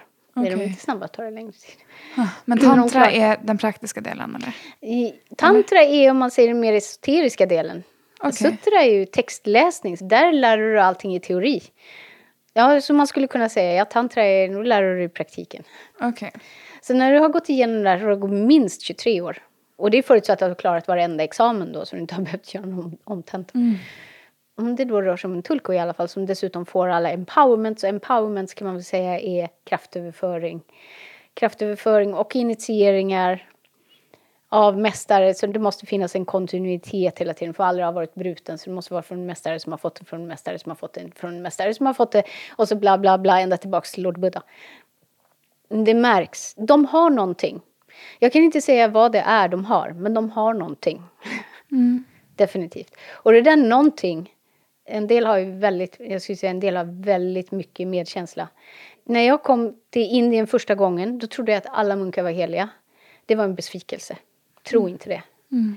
Skulle jag säga, om jag får skämta lite. Mm. Nej, men det, eminens Lakalomarin Porsche säger så, en del blir munkar för att det är ett sätt att försörja sig på. Du lever som munk, du har en sponsor, du bor på klostret, du får mat mm. och så vidare. finns alla sorter. Ja, men en del är genuint intresserade. För de som är genuint intresserade, som tar sina studier på allvar och gör all den här praktiken och så vidare. Och som har rätt motivation, för den behövs ju. Har du inte rätt motivation så kommer du aldrig få medkänsla. Mm. Så, eller altruistisk kärlek. Mm. Men har du det, man märker det. Alltså det är något jag ska inte säga att det, det konstiga är att det får inte bara fram positiva saker hos mig, men det får fram saker hos mig. Mm. Som skulle vara positiva i alla fall om jag behandlar dem på rätt sätt. Mm. Men eh, när du var sjuk och du kom dit och fick den här kramen av honom. Mm. Vad var det du kände då? Jag kände faktiskt inte jättemycket när jag fick den. Nej. Men dagen efter flyttade jag ut. Från?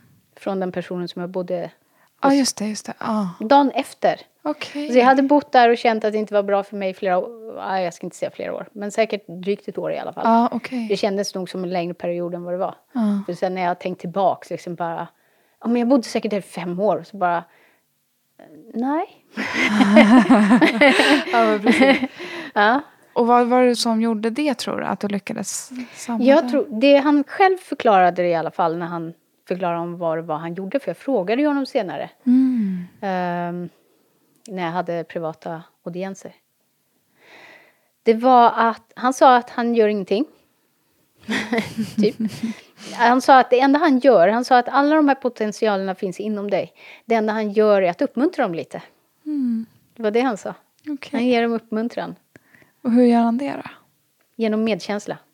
Okej. Och jag skulle säga att det är det framförallt som man märker hos de som har tränat så jättemycket och Tulkos. De är ju förstås olika, det är ju inte som att alla vore en person. De har ju lite olika, som hans eminens Lakalomarin Porsche, han är så osentimental. Enda gången jag har sett honom fälla en tår, trots att han är så mycket medkänsla, det var när han faktiskt bad hans helighet Dalai Lama att leva länge för alla tibetanernas skull. Som då, Tibet är ju ockuperat av Kina. Eh, då såg jag faktiskt att han blev rörd. För han bad väldigt innerligt, hans helighet Dalai Lama, att han skulle leva länge. Mm. Men det är enda gången. Annars är han så någon gång sa vi så, men tibetanerna måste ju ha väldigt bra tänder som inte äter socker. Men De har gräsligt dåliga tänder. Så han, när de blir äldre så har de inga tänder. Så "Men det måste ju vara svårt. Varför skulle det vara svårt? De kan väl äta soppa? Men han, han är liksom så osentimental så att, Okej. Man kan ha medkänsla fast man inte är sentimental då? oh ja. För det där har jag nog tänkt att man, Ja. eh, medkänsla, det uttrycker sig liksom genom sentimentalitet. Ja, nej, han brukar säga när han undervisar, han har sagt flera gånger, men jag kommer ihåg första gången han sa det. Han sa Compassion is nothing wishy-washy, compassion is dynamite! Okej. Ja, han är verkligen... Nej, de kan vara rätt så tuffa sådär. Inte, inte bara han, bara... Ja. När det, ibland när det är folk som har trauman sådär. Bara, ja, han tyckte västerlänningar, folk som har råkat ut för övergrepp och sånt. Det är väldigt olika sätt att tänka på, sa han. För en tibetan skulle bara tänka liksom att jag är glad att jag överlevde. Jag kunde ju ha dött. Men det gjorde jag inte. Ja, precis.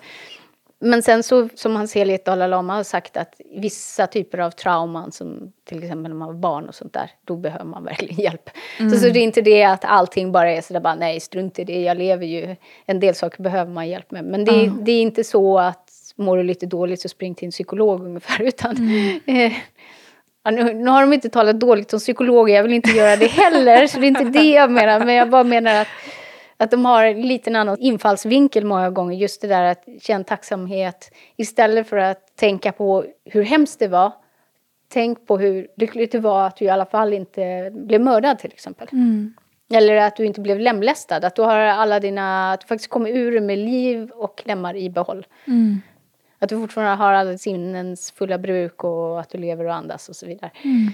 Så det är mer den infallsvinkeln. Men sen är det klart att funkar inte det så om man går på privat audiens så försöker de göra andra saker. Mm. Tills de kan ge upp. För han sa att i ett fall så gjorde han det. Han, han nämnde ju inga namn men han sa att det var en som gick till honom under väldigt, väldigt lång tid. Och hon fortsatte liksom att hon hade haft ett sånt hemskt liv. Och så till slut sa han But you are very lucky. Hon bara, Why? Han bara, Because you don't remember all your other lives. Ah. Sådär. Sen kom hon aldrig mer tillbaka, hon blev lite sårad. Men, men då hade, han hade försökt väldigt, väldigt länge i det fallet. Ja. Han sa det. Det här är superintressant. Mm. Nu ska vi se vart det var jag ville komma. Jo, men jag tänkte så här. Dels vill jag komma in lite mer på din resor och det där. Eller dina resor. Mm. Men först bara. Vad var det som gjorde att du vart frisk? Eller att du kom ur den här Ja, ätstörningsproblematiken? jag skulle vilja säga att jag fick den här kramen, flyttade därifrån, fortsatte gå på audiens. Min mor säger att hon gick ut första gången för att jag fick en kram och började gråta. Men jag kommer inte ihåg någonting av det. Jag tycker det är väldigt pinsamt att tänka mig den situationen. Men man Vänta, säger, vänta, att du gick Ja. ut från... nej, att, Nej. att hon gick ut. Hon gick ut. Att jag fick en, en kram av Laka Lamarin Porsche. Mm. Hans kramar var väldigt mycket medkänsla. Så det är ju inte, det är inte bara det att de pratar utan det är ju deras medkänsla som... Strålar ut. Ja, precis. Jag skulle väl säga det att de pratar kanske är den mindre delen i vad som hjälper. Mm. Även om det ju hjälper att lyssna på vad de säger. Men den större delen menar, folk när han ser lite Dalai Lama kommer förbi med sin kortes, om han tittar på någon, så de flesta börjar gråta när han tittar på dem. Det är ju oftast så, inte alla. Det gäller ju inte alla. Jag börjar inte gråta till exempel. Mm. Jag har väldigt svårt för att börja gråta i sådana situationer. Nu brukar inte han titta på mig. För han brukar alltid titta på någon annan. liksom, försöker, försöker alltid, jag står ju alltid där med Kata då. Men ja, han tittar på någon annan. Men en gång, för att ett tag när jag praktiserade mycket då fick jag väldigt stark intuition. Och då var jag i klassen och sen så hör man från de där elvisp eller de där visparna, för han är ju kortes alltid. Och man hör dem i flera kilometer när de kommer. Ofta. Mm. Och jag visste att han skulle ner men jag visste inte vilken tid. Och så frågade jag min lärarinna om det var okej. Okay. Och så gick jag ifrån då, för det är alltid, för att gå och visa din respekt för hans helighet Dalai Lama vid vägkanten, så är det ingen lärare, ingen tibetansk lärare som säger nej. Det är mm. alltid okej. Okay. Jag tror du skulle kunna gå även om det var tenta. Mm. så att jag började gå uppåt, sen fick jag en sån här jättestark brinnande känsla av att jag var tvungen att springa. Så då sprang jag upp och kom upp till vägen. Och precis när jag kom upp till vägen kom, kom de runt. Och då var det bara mm. jag som var där. Fanns det ju ingen annan att titta på. Ah. Om man inte ville titta på blommorna vid dikeskanten. Men det gjorde han inte då. Utan han tittade ju faktiskt på mig. Och när, när han hade kört förbi. Det var jag. Det var så här min kata. Jag visste inte vad jag skulle göra. Då gick jag som en yr höna. Så gick jag från ena änden av stingen till den andra och sen neråt. Och så kände jag några som var där nere. Men jag gick inte ner då för att jag visste inte vad jag skulle göra. För det var en sån konstig... Jag var liksom helt bara sådär... Som jag hade fått en mental knockout. -huh. Så jag ville inte prata med någon. Så jag satte mig på en sten innan. Bara för att kunna liksom sitta där med den där känslan ett tag. Mm. Så satt jag där liksom. Sen gick jag ner. Mm. Men tror du att det var något med hans utstrålning? Då? Det är någonting. Och jag vet ju ingen som jag har hört som har mött hans Elit För en del har ju, han pratar ju mycket med vetenskapsmän och, och en del skådespelare som Richard mm. Gere är nära, nära vän. Och jag vet ingen som har sagt att de inte har blivit berörda. Mm.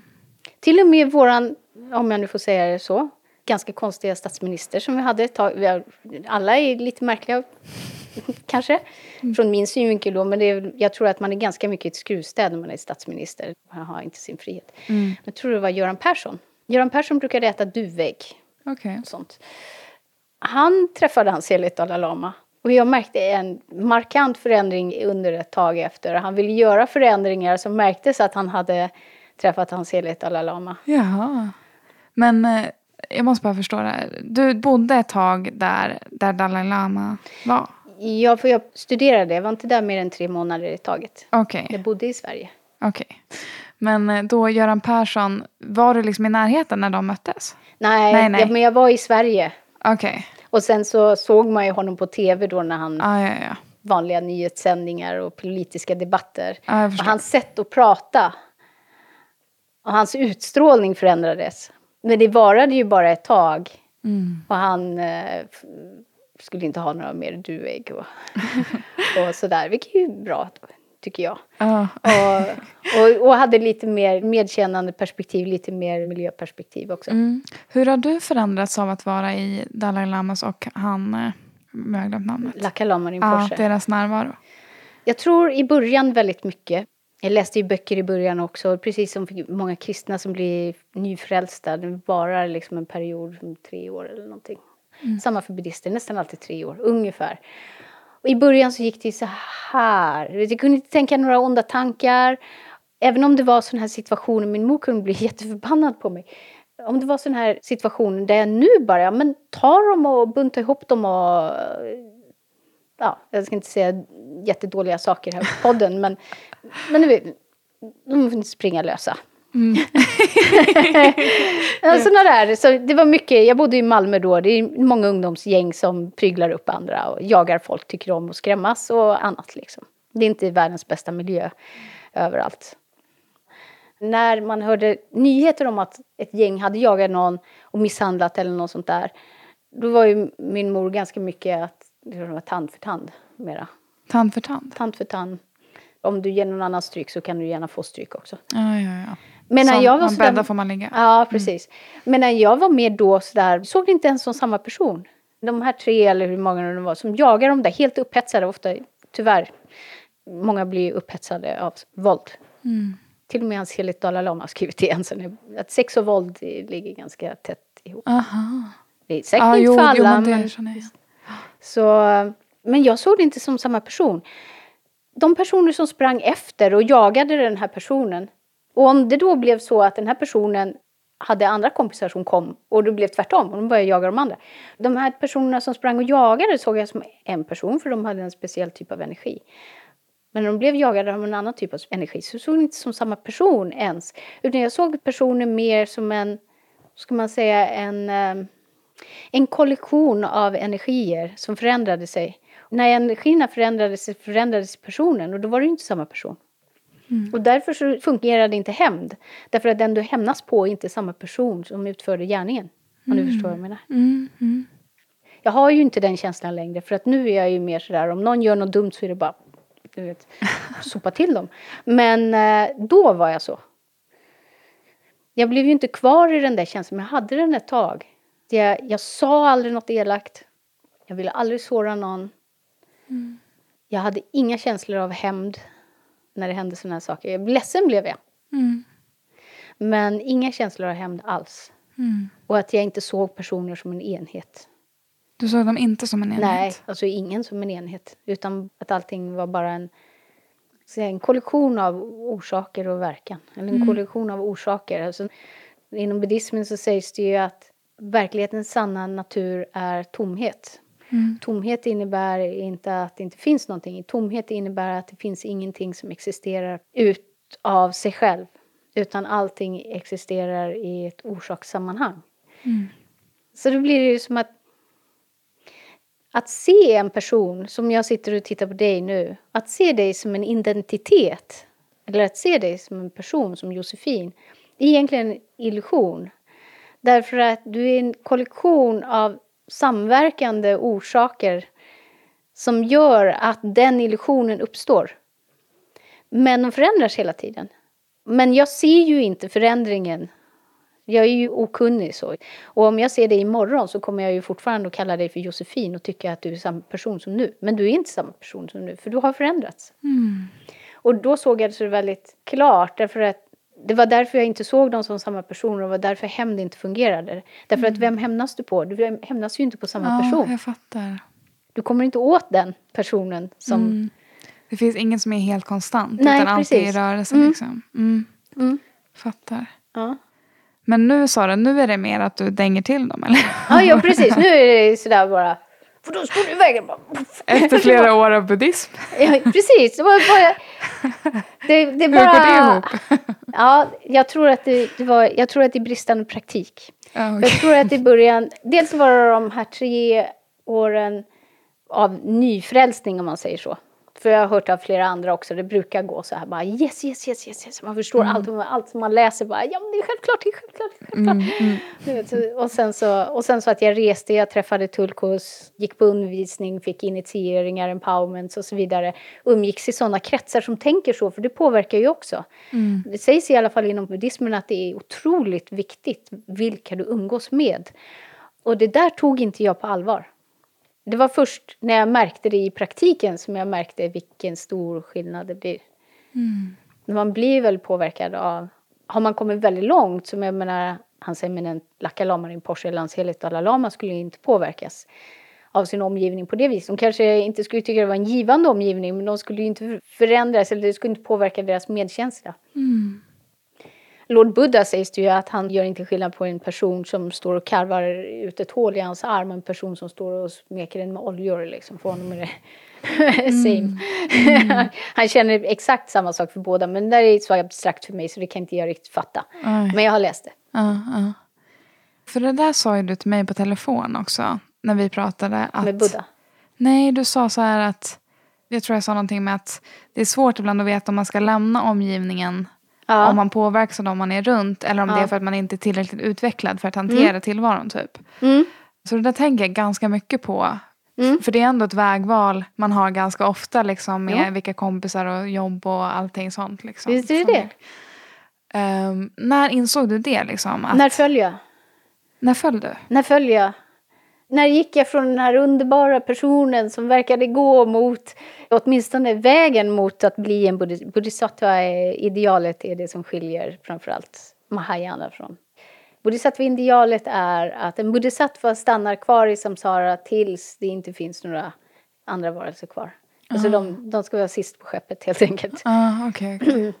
Okej, så när man märker att det föll. Men där blir det ju också då att man har en värdering på hur man är. För jag kan ändå tänka att så som jag är nu, även om vissa egenskaper har kommit fram, till exempel eh, mer rädsla i vissa sammanhang eller någonting. Ja. Dels värderar jag då den egenskapen som dålig Ja. på ett sätt. Ja. Jag tror jag förstår vad du menar, liksom, att när följa. Men vad menar du är den riktningen man vill ha då i livet? Ja, om du tänker på det som jag sa innan med det här med vad som är en människa. Om det jag sa med sorgen över att människan är, har fallit men att djuren fortfarande vet vilka vi är men vi själva inte vet vilka vi är. Så är det ju dit jag vill sträva. Och dit jag vill sträva det är ju, alltså man skulle säga, för du frågade ju lite tidigare vad det i så fall, vad människan i så fall är. Och jag skulle ju säga, då när jag nu har värmt upp med att prata en del, att det är mer likt en ängel än en människa som vi ser människan idag. Jag har pratat med min far om, är egentligen änglar ofallna människor? Vi har nog inte riktigt kommit fram till något svar. Vi har bara kastat fram frågan. Men dels då det att vi föll ner i begäret som gjorde att vi stagnerade. För innan, som jag har förstått det, så kunde vi alltså precis som, som alverna till exempel ta en kropp när vi vill och njuta av att ha det och inte ha den när vi inte vill. Och sen så hade vi inte reproduktion på det viset heller. För nu har vi ju som djuren, men det hade vi inte då. Utan det är mer som i andevärlden, att man har föräldrar, men det är mer andliga föräldrar. Jag vet inte riktigt varför, om de kallas föräldrar på grund av att man har någon typ av energikontakt, att det är mer som mästare-lärjunge eller ungefär som Ganesha ses som en son till Shiva, Parvati. Men människan är mer lik en ängel då menar du? Ja, eller En att vi är ett människa. andeväsen som kan Nej, ta en fysisk form. Okej, och kännetecknande för andeväsen då? Är att de inte är fast i en fysisk form, skulle jag säga. Och fysisk form kan man ju tänka då lite med det här begäret, att det hänger ihop med det. Ja, för det som jag hörde om det här då, det var att alverna fastnade inte i det här. De blev aldrig fast i begäret. Eller som Tolkien skrev, Melkor hade aldrig insteg i alvernas hjärta. Om man Får ta min bibel där då, Silmarillion. eh, så, men att han hade det i människornas hjärta. Eh, så vi blev fast, för att vi blev så förtjusta i allt det här fysiska. I början var det ju säkert en kick, för i början så kunde vi ju lämna det när vi ville. Om det blev obehagligt så behövde vi ju inte stanna. Men då hade vi ju andra förmågor. Ta andra former, vi åldrades inte. Vi kunde ta en form när vi ville gå och plaska i vattnet och känna solen mot huden och sådär. Sånt där som vi tycker är skönt. Men vi slapp det som vi inte tycker är skönt. Det var ju säkert hur trevligt som helst. Men sen så blev vi mer och mer fast. Vi lämnade inte kroppen, vi stannade kvar. Och sen så glömde vi hur man dematerialiserade sig, om man säger så. Och vägen därifrån då? Människan är ju som den är idag, om man säger. Ja. Vad tänker du är vägen framåt? Ja, jag tror ju, eftersom jag är synkretist då, så tror jag att det finns väldigt många vägar. Och det är också ett väldigt buddhistiskt sätt att se det på. Som Marceliet Dalai Lama sen säger, att konvertera inte. Följ den religion som ni är födda med.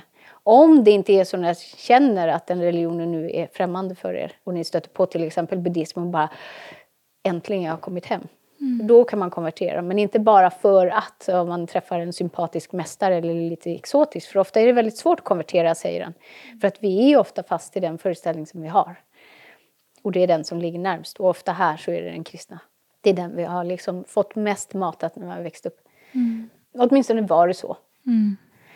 Ehm, Men det finns många olika vägar i alla fall. jag skulle säga det. Mm. Hans eminens Laka Lama Rinpoche, han ställde mig en fråga en gång som jag tror jag sa till dig förra gången. Han sa, vill du bli ett med?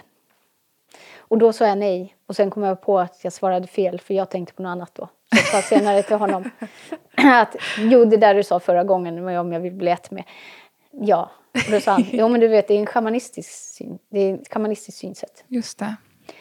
Och då blev jag lite ställd, inte för att jag inte visste att jag hade det, för det visste jag. Utan jag var så inne på buddhismen då. Mm. Och sen så var det det här när jag hörde då att buddister inte ser naturen som besjälad. Då blev jag ju sådär bara, men det gör ju jag och det sitter i min ryggmärg. Så det sitter mycket djupare än alla buddhistiska böcker jag kan läsa och alla mästare som jag kan träffa. Det är liksom, det är bara att det sitter i ryggmärgen. Det är liksom, mm. ja, djupare än så går det inte att gå helt enkelt. Och så sa jag det till honom att jag ser naturen som besjälad, eller alltså att jag ser växterna som besjälad. Jag skulle bara se om den var riktig. Ja, eh, den riktig. Den ser riktig ut, väldigt riktig ut. Um, så sa han, men det gör ingenting, sa han.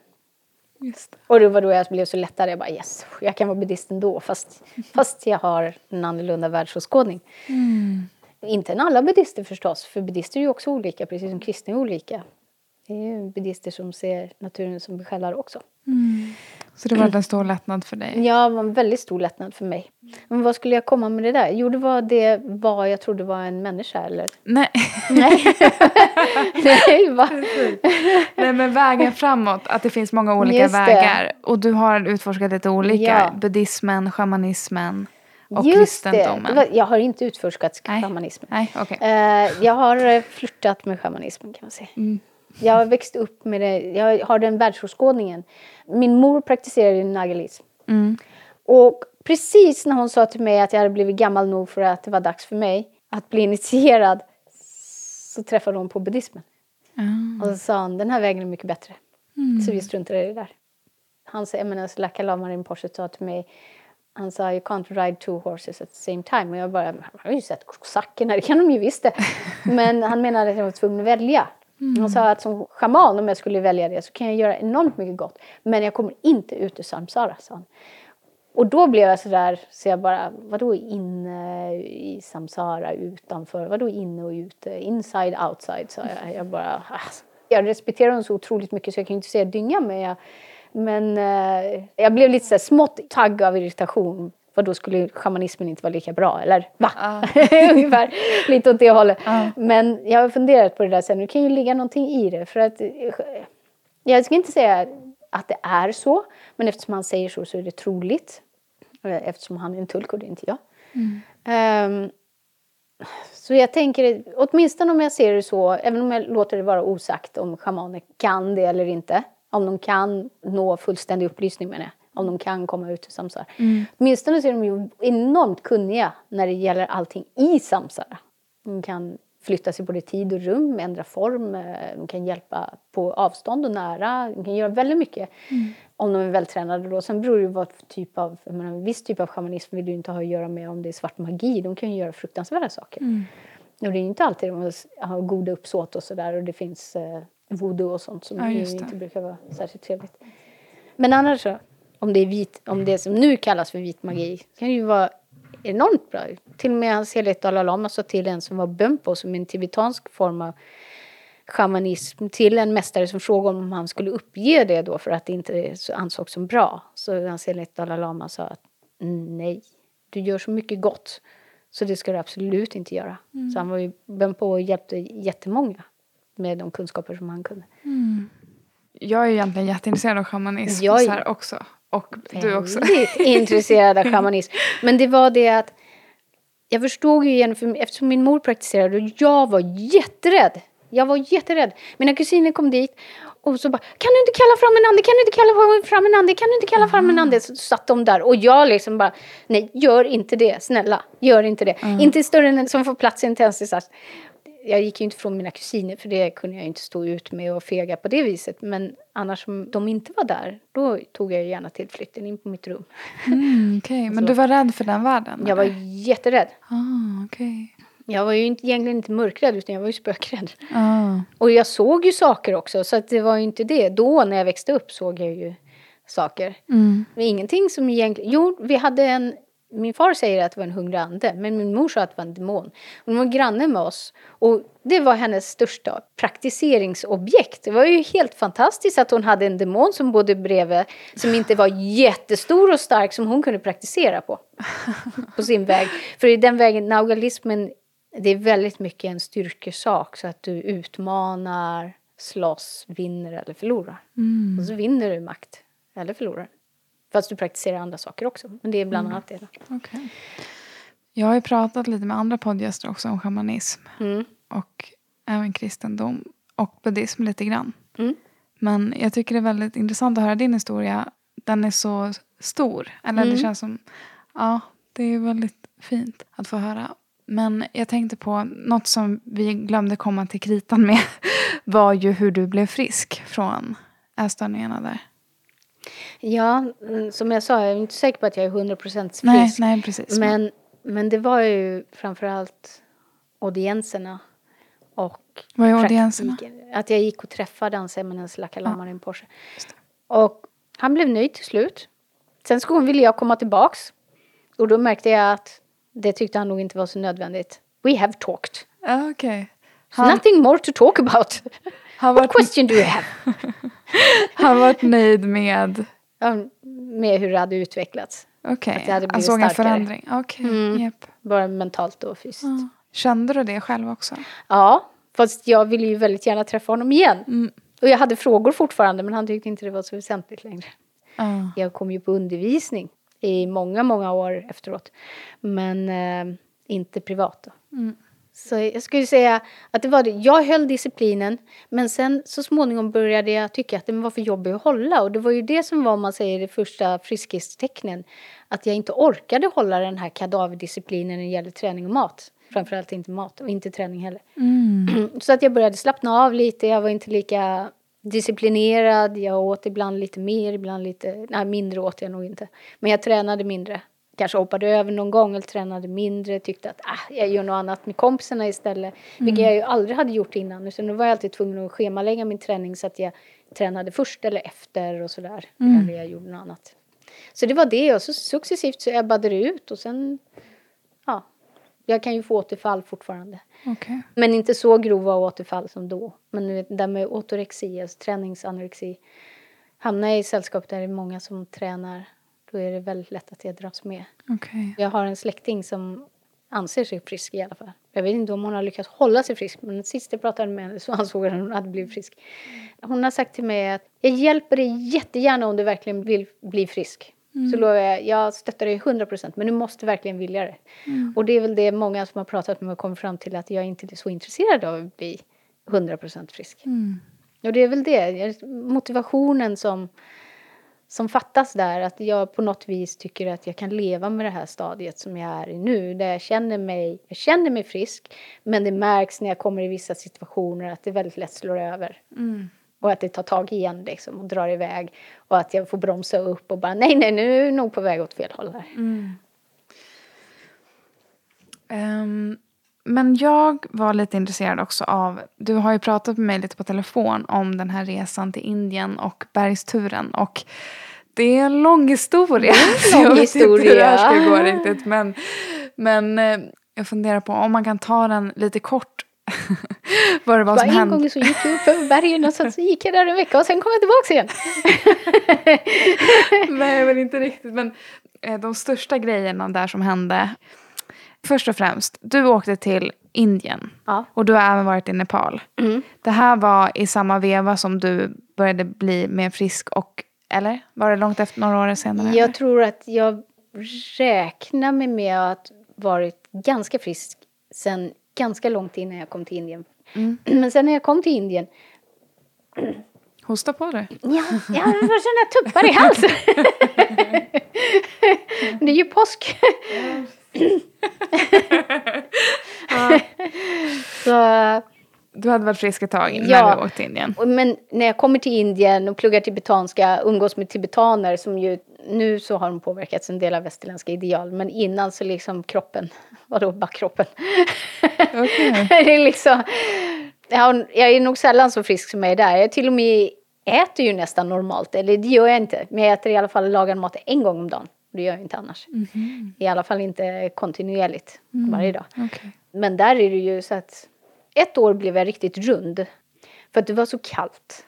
Så då åt jag väl många gånger om dagen. Men eh, jo, men jag skulle säga att någorlunda frisk när jag är där. Inte helt, men Okej. Men varför ville du åka till Indien och Nepal? Aj, det var så att jag skulle skriva, om den här eh, fort då.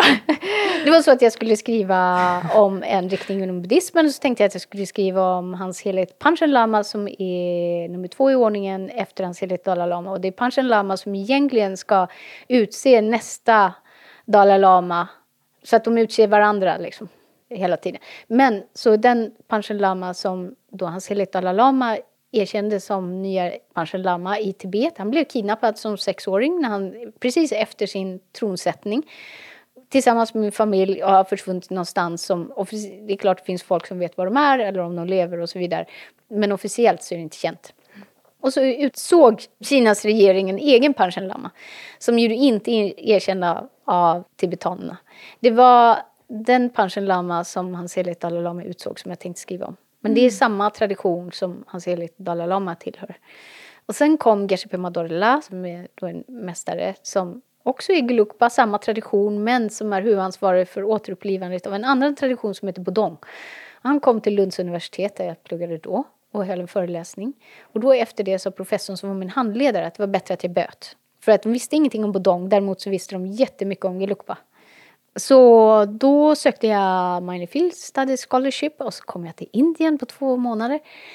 Och gjorde intervjuer etc. massor. Första gången sen blev jag slö när jag kom tillbaks. Men då gjorde jag med bandspelare. Vilket tog evigheter att transkribera. Tibetansk, eller engelska med tibetansk brytning. Fram, tillbaks, fram, tillbaks, fram, tillbaks. Vad säger han egentligen? Uh, Så flera timmar. och vad intervjuade de, du dem Jag intervjuade, dels intervjuade jag en person i Indien, i Dharamshala, om eh, Bodong Panchen Namgyal som räknas som den officiella grundaren av traditionen Bodong. Men inte den egentliga grundaren, men den officiella. Han anses som ett sån här super, super geni som skrev tror jag, 132 volymer text som ska innehålla allt ifrån barndomen till du går bort och allt ifrån undervisning för barn till högsta som heter fader och moders tantra. Plus att han gjorde massor med annat. Han skrev poem och han och hans främsta lärjunge som var en av de få kvinnliga mästarna som ansågs ha uppnått upplysning. Som också är en reinkarnation. Men hon är fortfarande huvudansvarig för sin tradition då, som är en blandning mellan Bodong och en som heter Nyingma. Som är en av de äldsta. Och de uppfann då blocktryckarkonsten. Blockprint. Okej. Precis, men du gjorde massa intervjuer där i Ja. alla fall. Och eh, det var därför du åkte dit på en minor field study. Mm. Och eh, då var du där en tid och gjorde, samlade den här faktan. Mm. Och eh, det här berget då, när kom det? Var det på den här resan eller? sån- Berget såg jag första gången jag kom dit. Ja. Men första gången så var jag bara uppe en liten bit, en sån här utflyktsplats. Men gången då jag gick eh, över på andra sidan och blev kvar där en vecka, det var många år senare. Okej. Du kom tillbaka dit då för att fortsätta studera eller? Mm, jag åkte fram och tillbaks många gånger mellan 2009 och 2015. Ja. Och jag tror att den här gången var 2015, förmodligen. Mm. Men då åkte du tillbaka dit och det var för att fortsätta studera? Eller? Ja, tibetanska ja. Ja, Och Och- berg. just det. Du hade ett ställe där du brukade promenera en del. Ja, för det är så att när man är där nere om man ser en bild av Dharamshala då kommer man att se i bakgrunden så kommer man alltid att se samma topp som är vit. Måntoppen, Moon Peak. Passet heter i alla fall Indira pass. Och det är ett helt fantastiskt pass som gärna lyser i guld med solen ligger på. Och eh, när man ser det berget så måste man gå. Det finns ingenting du kan göra. När du ser det berget, då är det någonting som tar tag så där i hjärtat och så bara drar dig dit. Och så måste du bara gå. Det är som någon har en slips runt halsen på dig och så bara... så här. Okej. Mm. Och då följde du den känslan liksom? Ja, 2010 var jag uppe första gången på Indra pass. Men då var jag uppe till passet. Mm. Då höll jag nästan på att frysa ihjäl. Ja, du Men- gick vilse. Ja, inte den gången. Nej, men den här andra Ja. gången som vi pratade. Precis, för då skulle jag gå och titta på några sjöar. Mm. jag skulle gå till några sjöar så gick jag... ja, Det tog helt enkelt lång tid. Jag gick inte den vägen jag skulle. Jag gick barfota. Jag skulle gena. Jag kom dit ganska sent. Jag insåg att jag var sen. Sen så eh, är det Shivas sjö där kvinnor inte får... Det är förbjudet för kvinnor att bada. Det finns sex stycken andra sjöar, bland annat Pavatis, där kvinnor får bada, inte män. Men jag kom ju bara till den första. Och där finns ett litet shrine. Alltså en liten, inte ett tempel eh, med tak utan helgedom skulle man kunna säga. Och, så jag besökte ju den sjön då där man inte fick bada som kvinna. Och hoppades att det inte skulle komma någon heder så att jag skulle bli förintad. så att jag skyndade mig rätt mycket och sen så satt jag där vid den här helgedomen och läste ganska många, jag hade ju radband, jag läste alla som jag tyckte var mest väsentligt. Och insåg, för det var cirka två timmar till passet. Och jag insåg att eh, jag var sent ute, jag hade jättebråttom. Och det var en gul fågel som flög omkring och kvittrade hela tiden medan jag läste. Där. Och sen skyndade jag mig, skulle skynda mig tillbaks. Och så tyckte jag att jag hade hittat rätt väg. Och sen så när jag kom upp mot passet så insåg jag att jag bara hade kommit halvvägs. Mm. Och då insåg jag att jag skulle vara tvungen att tillbringa natten där. Och då blev jag lite så att jag fick en sån här ilande känsla av att jag kanske inte skulle överleva natten för det var ju snö. Delvis barmark men delvis snö. Och jag hade från början med mig en dubbel Bounty och en Mountain Dew. Men jag hade firat att jag kom upp på passet med att äta upp en Bounty. Så jag hade en kvar. En sån här bar. och så hade jag en skvätt Mountain Dew. En fjärdedel kanske kvar. Uh, drickan, alltså. Ja. ja. så här, energidryck. Men sen kom jag på att det var fullmåne och att jag faktiskt kunde fortsätta att leta efter passet på natten och då fick jag ju hoppa yes, för kommer jag bara upp till passet, stigen kan vara svår att se i dagsljus men jag har gått upp många gånger på natten. Och det går, man ser ju stigen, det är bara att man kanske går fel lite då och då, man får gå tillbaks och sådär, men det går. Mm. Och ner hade jag aldrig gått på natten, bara upp. Så att då fick jag ju hopp och jag gick upp på det ena stället tills jag tyckte att nej, här var det ju inte. Och så gick jag ner och så gick jag mer i öster, väster, öster, syd. Så jag gick lite fram och tillbaks. Och så till slut hade jag gått så mycket och så klättrade jag upp på ett ställe där det var väldigt brant och väldigt mycket skiffer så jag plockade ju bort eh, sten allt eftersom. Och det blåste jättemycket från andra sidan. Det var klart väder på nordsidan men det var molnigt och blåsigt på sydsidan. Och jag tänkte att om jag kunde titta över skulle jag se vart jag var så jag kunde lo lokalisera mig men det var för molnigt så jag kunde inte se vart jag var. Mm. Och mörkt då. Och sen till slut blev jag ju för kall, trött. Så jag var tvungen att försöka sova någonstans. Så jag gick tillbaka till några stenblock för att som det är björn och, och leoparder och så, kanske inte där uppe men jag vågade inte chansa. Så ville jag inte bara lägga mig rakt ner på snön. Nej. Utan jag gick ner där. Och sen så slumrade jag till och sen när jag vaknade så hade strumpan frusit fast i stenen, eller isen.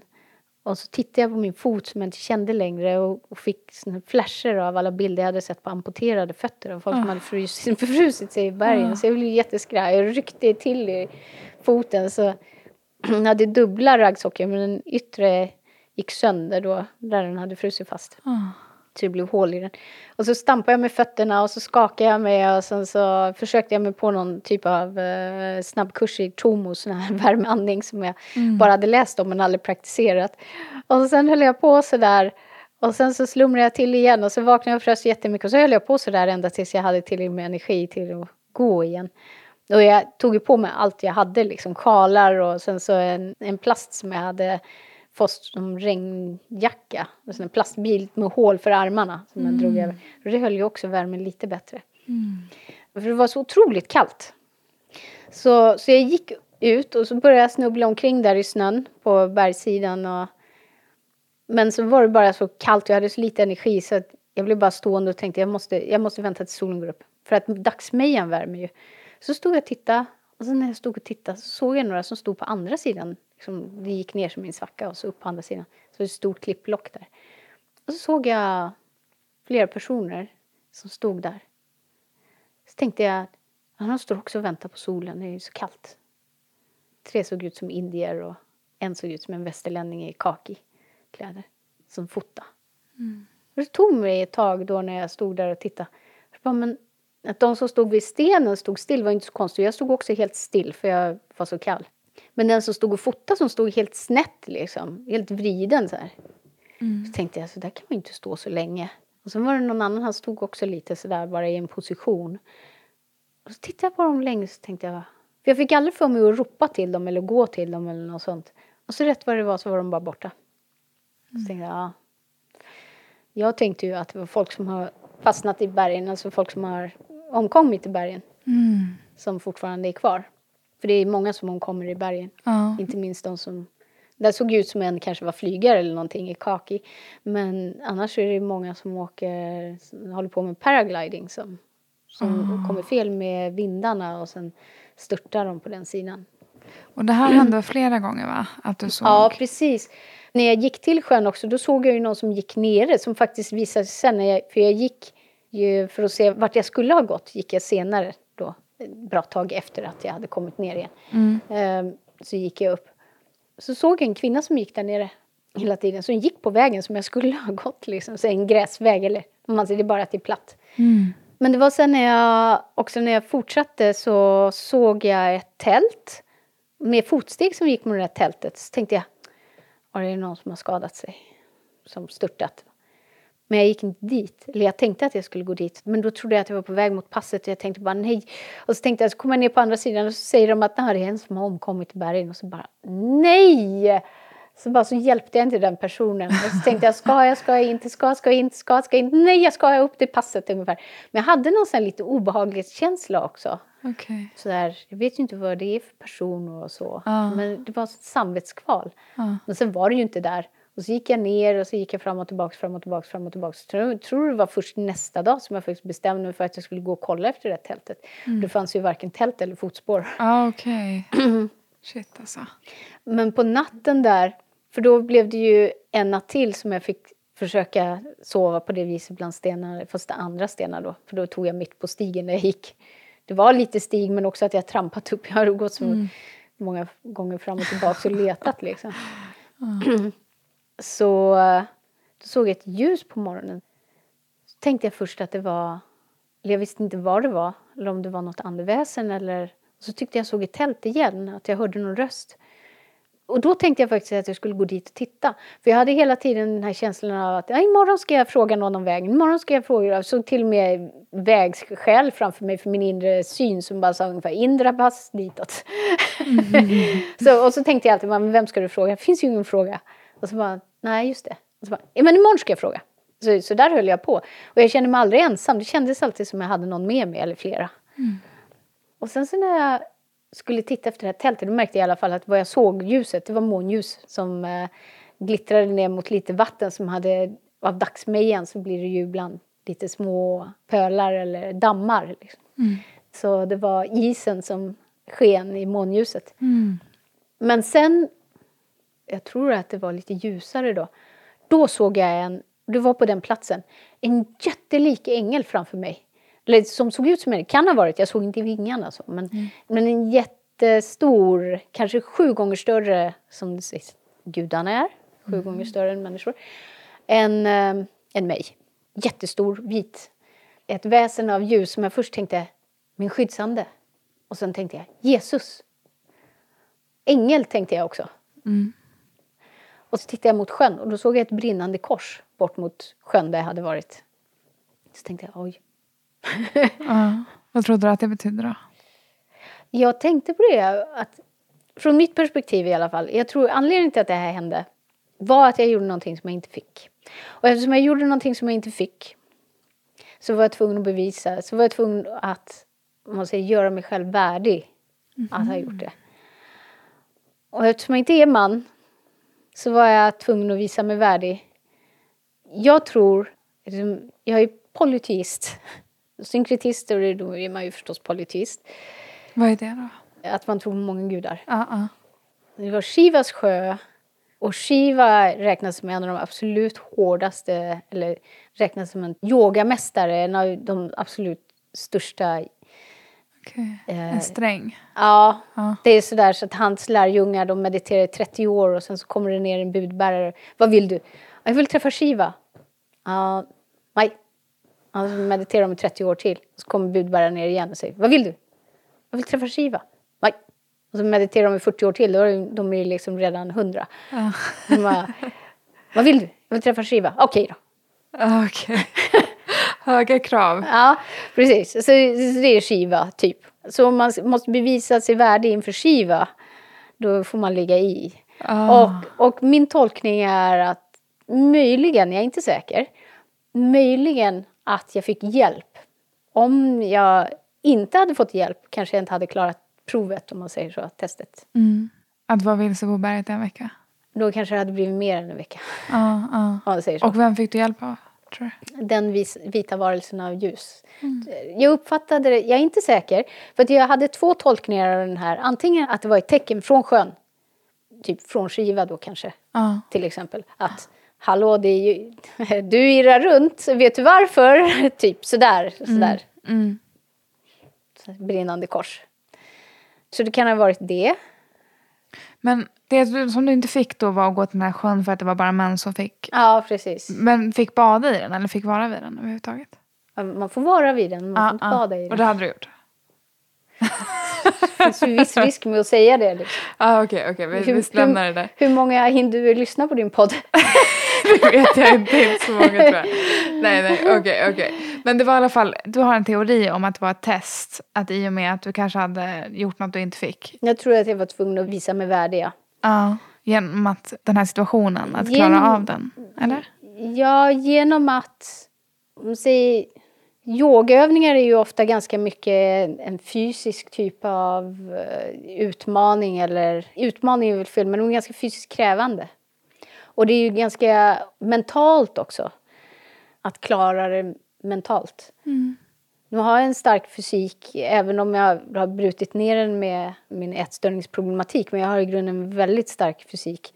Ja, inte, inte att springa och sånt, alltså det är inte det jag menar. Jag blir andfådd i att springa 100 meter. Men jag menar överlevnadsmässigt. Alltså. Ja, ja, ja. Så har jag en stark fysik. Men psyket måste vara starkt också. Jag har ju ingen stark psyke i vardagssituation, i vårt samhälle, i många situationer så har jag ingen stark psyke. Jag har ingen uthållighet när det gäller monotona saker som jag måste göra, när jag känner mig tvingad till saker. Men det behöver inte alltid vara samma sak. Man kan vara en person som klarar av vissa typer av mentala påfrestningar medan man inte klarar av andra, skulle jag säga. Jag har varit i situationer där jag har kommit bort med det jag nästan har fått panik också. I Sverige. För att det har varit mörkt, jag har tappat bort stigen och det har varit kallt och det har regnat liksom. Och jag bara, jag måste stanna här hela natten, jag hittar inte. Fast jag har kommit över det väldigt fort. Men du vet känslan har kommit över mig innan jag har samlat mig. Men där kom inte ens, förutom det där att jag bara kanske inte överlever natten där jag blev lite sådär bara, men annars kände jag att jag hade sällskap. Och jag skulle kunna säga att det var för att jag hade sällskap och det var därför jag inte fick panik.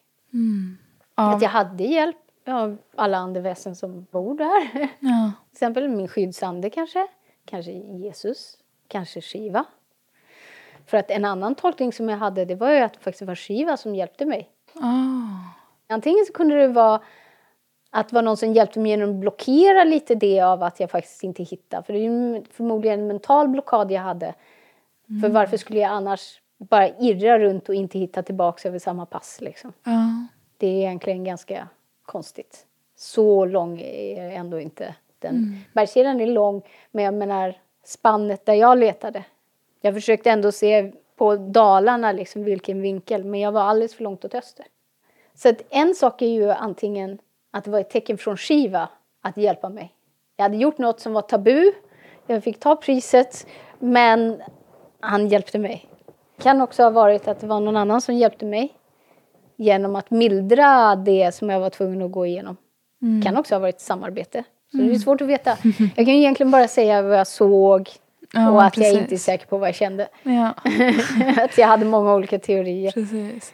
Men eh, hur klarade du dig matmässigt och Jag vattenmässigt? tog en liten skiva, jag gjorde som Obelix i eh, Obelix och Asterix i Spanien. när de hade tagit all maten från piraterna och sen så åt dem och så la Asterix och sov siesta och så sa han kom nu ihåg Obelix att vi måste ransonera och så vaknade han och så såg han Obelix med en jättestor mage och Idefix också och ingen mat. Och så men Obelix vad har du gjort? Vi måste ju ransonera. Jag sa ju vi måste ransonera. Men jag har ransonerat. Jag sparade ju det här äpplet. Och sen såg man dem skivade sen tunna skivor resten av dagarna. Bara en skiva till dig och så hade de såna här svältringar under ögonen. Men det gjorde du med det du Det hade gjorde, med dig? det gjorde jag med den här Bountyn som jag hade. Ja, shit. Hela veckan?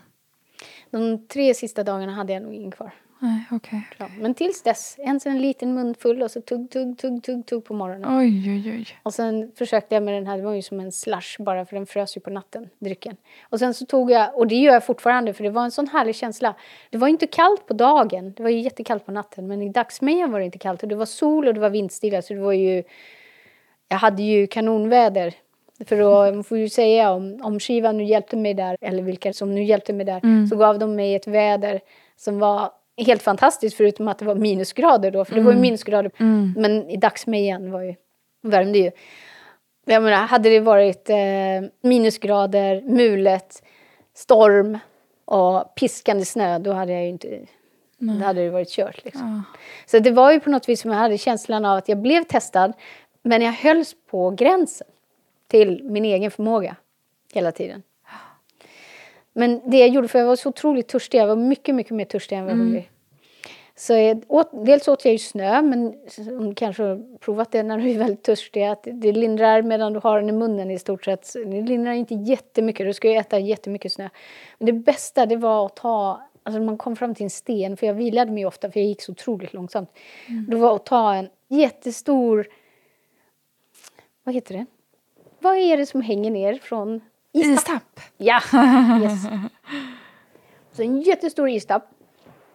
Tar den i handen, sätter sig på stenen i solen, ansiktet i solen. Så bara... Som en isglass. Och sitta och suga på den här och tugga på den här läskande istappen. Och så kanske ta en till. Men annars gå lite till, komma till en ny sten, hitta en, var en riktigt stor istapp. Oh, shit Så alltså. jag tar fortfarande såna istappar och bara... Okej, men det är inte att du har blivit traumatiserad då? Ja, jag, jag har alltid tyckt om istappar men, men eh, det har blivit extra mycket sen dess. Okej. Ja. Men okej. Och sen, vi behöver inte ta hela storyn, liksom hur du hittade tillbaka allting, men då lyckades till slut komma tillbaka. Ja. Och det här var ju som sagt några år sedan nu. Hur känner du att det här har påverkat dig? Vad har du liksom insett om dig själv, typ? Att jag vill tillbaks Till Indien, till berget? till berget. Okej. Möjligtvis med lite mer mat, Ja, lite mer vatten kanske. möjligtvis. Men ehm, jo, och saker är inte som de ser ut att vara. Men det, det var ju ingenting som jag inte tänkte innan heller. Det är bara det att när jag var där i bergen och när jag kom tillbaks så blev jag ju oftast att jag bara stannade upp och inte visste vad jag skulle säga för jag visste inte, jag hade upplevt någonting som jag inte kunde förklara. Och när folk sa när jag kom tillbaka att jag var stark som överlevde, för jag mötte en som var med i Mountain Rescue som ledde sådana grupper där och han sa att det var en procent chans att överleva det som jag överlevde. Och det låter ju konstigt för man tänker, ja men vadå utan mat i en vecka, det klarar man ju. Men det är väl kombinationen av dels att inte få panik. För får du panik och börjar springa, Tar en massa energi. ja och då faller du ihop i snön och så fryser du ihjäl. Och sen är skaderisken förstås stor eftersom det är jättebrant och det är halt och så vidare. Och du blir svag och snubblar och faller. Och sen... Eh, och bara det att inte ge upp. Och välja rätt väg. Kanske inte bli uppäten av björnen eller leoparden när du börjar komma lite längre ner. Eh, de var ju inte där, de var inte i närheten av där jag var. Men jag funderade på att gå ner, men jag funderade också på om jag skulle hinna fram då om jag gick ner där det var med skog. För att om jag inte skulle hinna fram, då fanns ju risken med björnen om jag skulle övernatta i skogen då. Leoparden är inte egentligen så stor risk för dem. De är så skygga så det, att de skulle gå på en människa är inte särskilt troligt egentligen. Nej. Det är större risk med björnen. Men det var ju det att när jag kom ner då och de sa att jag fick höra att jag var stark så blev jag nästan ledsen. För att jag upplevde aldrig att det var jag som var stark. För när jag var där uppe så sjöng jag, jag sjöng jättemycket tacksägelsesånger. Jag sjöng för gräset och jag sjöng för luften, jag sjöng för vattnet och jag sjöng för alla andeväsen. Och jag upplevde alltid, jag upplevde att själva marken höll mig upp och att gräset, när jag skulle klättra så brant att jag tog tag i jättemycket gräs för det var ju nästan lodrätt, det var bara Fåren hade, de vilda fåren alltså som, som gems, de hade ju hoppat där, det var som plattformar. Men det var ju gräs. Och de får tag i det, de hoppar ju väldigt långt, men får man tag i mycket gräs så är det ju starkt. Men det var väldigt tungt att klättra mm. med så lite energi. Mm. Men, eh, men det var mest det, att jag upplevde att det var inte jag. Utan det var allting annat mm. som höll mig uppe. Det hade ingenting med mig att göra på det viset, förutom att de var snälla nog att göra det då. Men, men det hade ingenting med min egen okay. styrka att göra, utan det var liksom alla andra. Det var gräset och marken och luften och, mm. och djuren, även om det var ju en som försökte, tänkte attackera mig. Alltså, jag skrämde ju honom så han... Vad, vad var det för djur? Det var en gems, en bock. Jag, det var när jag, det var andra gången, jag tror att jag blev lite rädd några gånger. Det var första natten, då, eller när jag insåg att jag skulle var tvungen att övernatta och sen så var det väl tredje, på väg mot tredje natten bestämde mig för att gå över även fast jag inte hade hittat passet. Mm. Jag klättrade upp där det var så brant och då började jag se stjärnor. Och det var ganska varmt på dagen i dagsmejan. Särskilt då när det låg precis rakt in på den här väggen som jag klättrade på. Mm. Eller gräs, men det var nästan lodträd. Mm. Och så var de här tuvorna och så började jag se stjärnor och så kom jag på att jag hade lovat min far att jag skulle vara försiktig. För jag började faktiskt tappa, där började jag tappa geisten. För jag tänkte, jag började se de här stjärnorna och det var jättebrant och jag visste att om jag tappade greppet så var det kört. Mm. Då skulle jag bara trilla ner för det fanns liksom ingen, ingen plattform. Mm. Jag trampade ju på dem men de var ju inte så stora så att skulle jag trilla skulle jag bara trilla ner. Så, och så kom jag att tänka på att min far hade haft en dröm där han hade sett mig rida på en tiger uppe i bergen. Mm. Så då hade jag ridit upp på en tiger i bergen och så sa han, men det var väl en häftig, det var ju en bra dröm. Och så sa han, ja, jag vet inte det, för du trillade ner. Ah. Och jag var tvungen att lova honom att jag skulle vara försiktig. Och då kom jag att tänka på att jag hade lovat honom. Och istället för att då bli modlös av det så, fick jag, så blev det ungefär som jag bara, jag var tvungen att bara samla mig och, och klättra upp Oh. Jag fick bara inte. Eftersom jag hade lovat honom att jag skulle vara försiktig så fick jag bara inte trilla ner. Så då blev det att jag liksom samlade, det kändes som jag fick mer kraft av det och, så, och fortsatte klättra upp. Mm. Men så kom jag till en plattform där jag kunde sitta.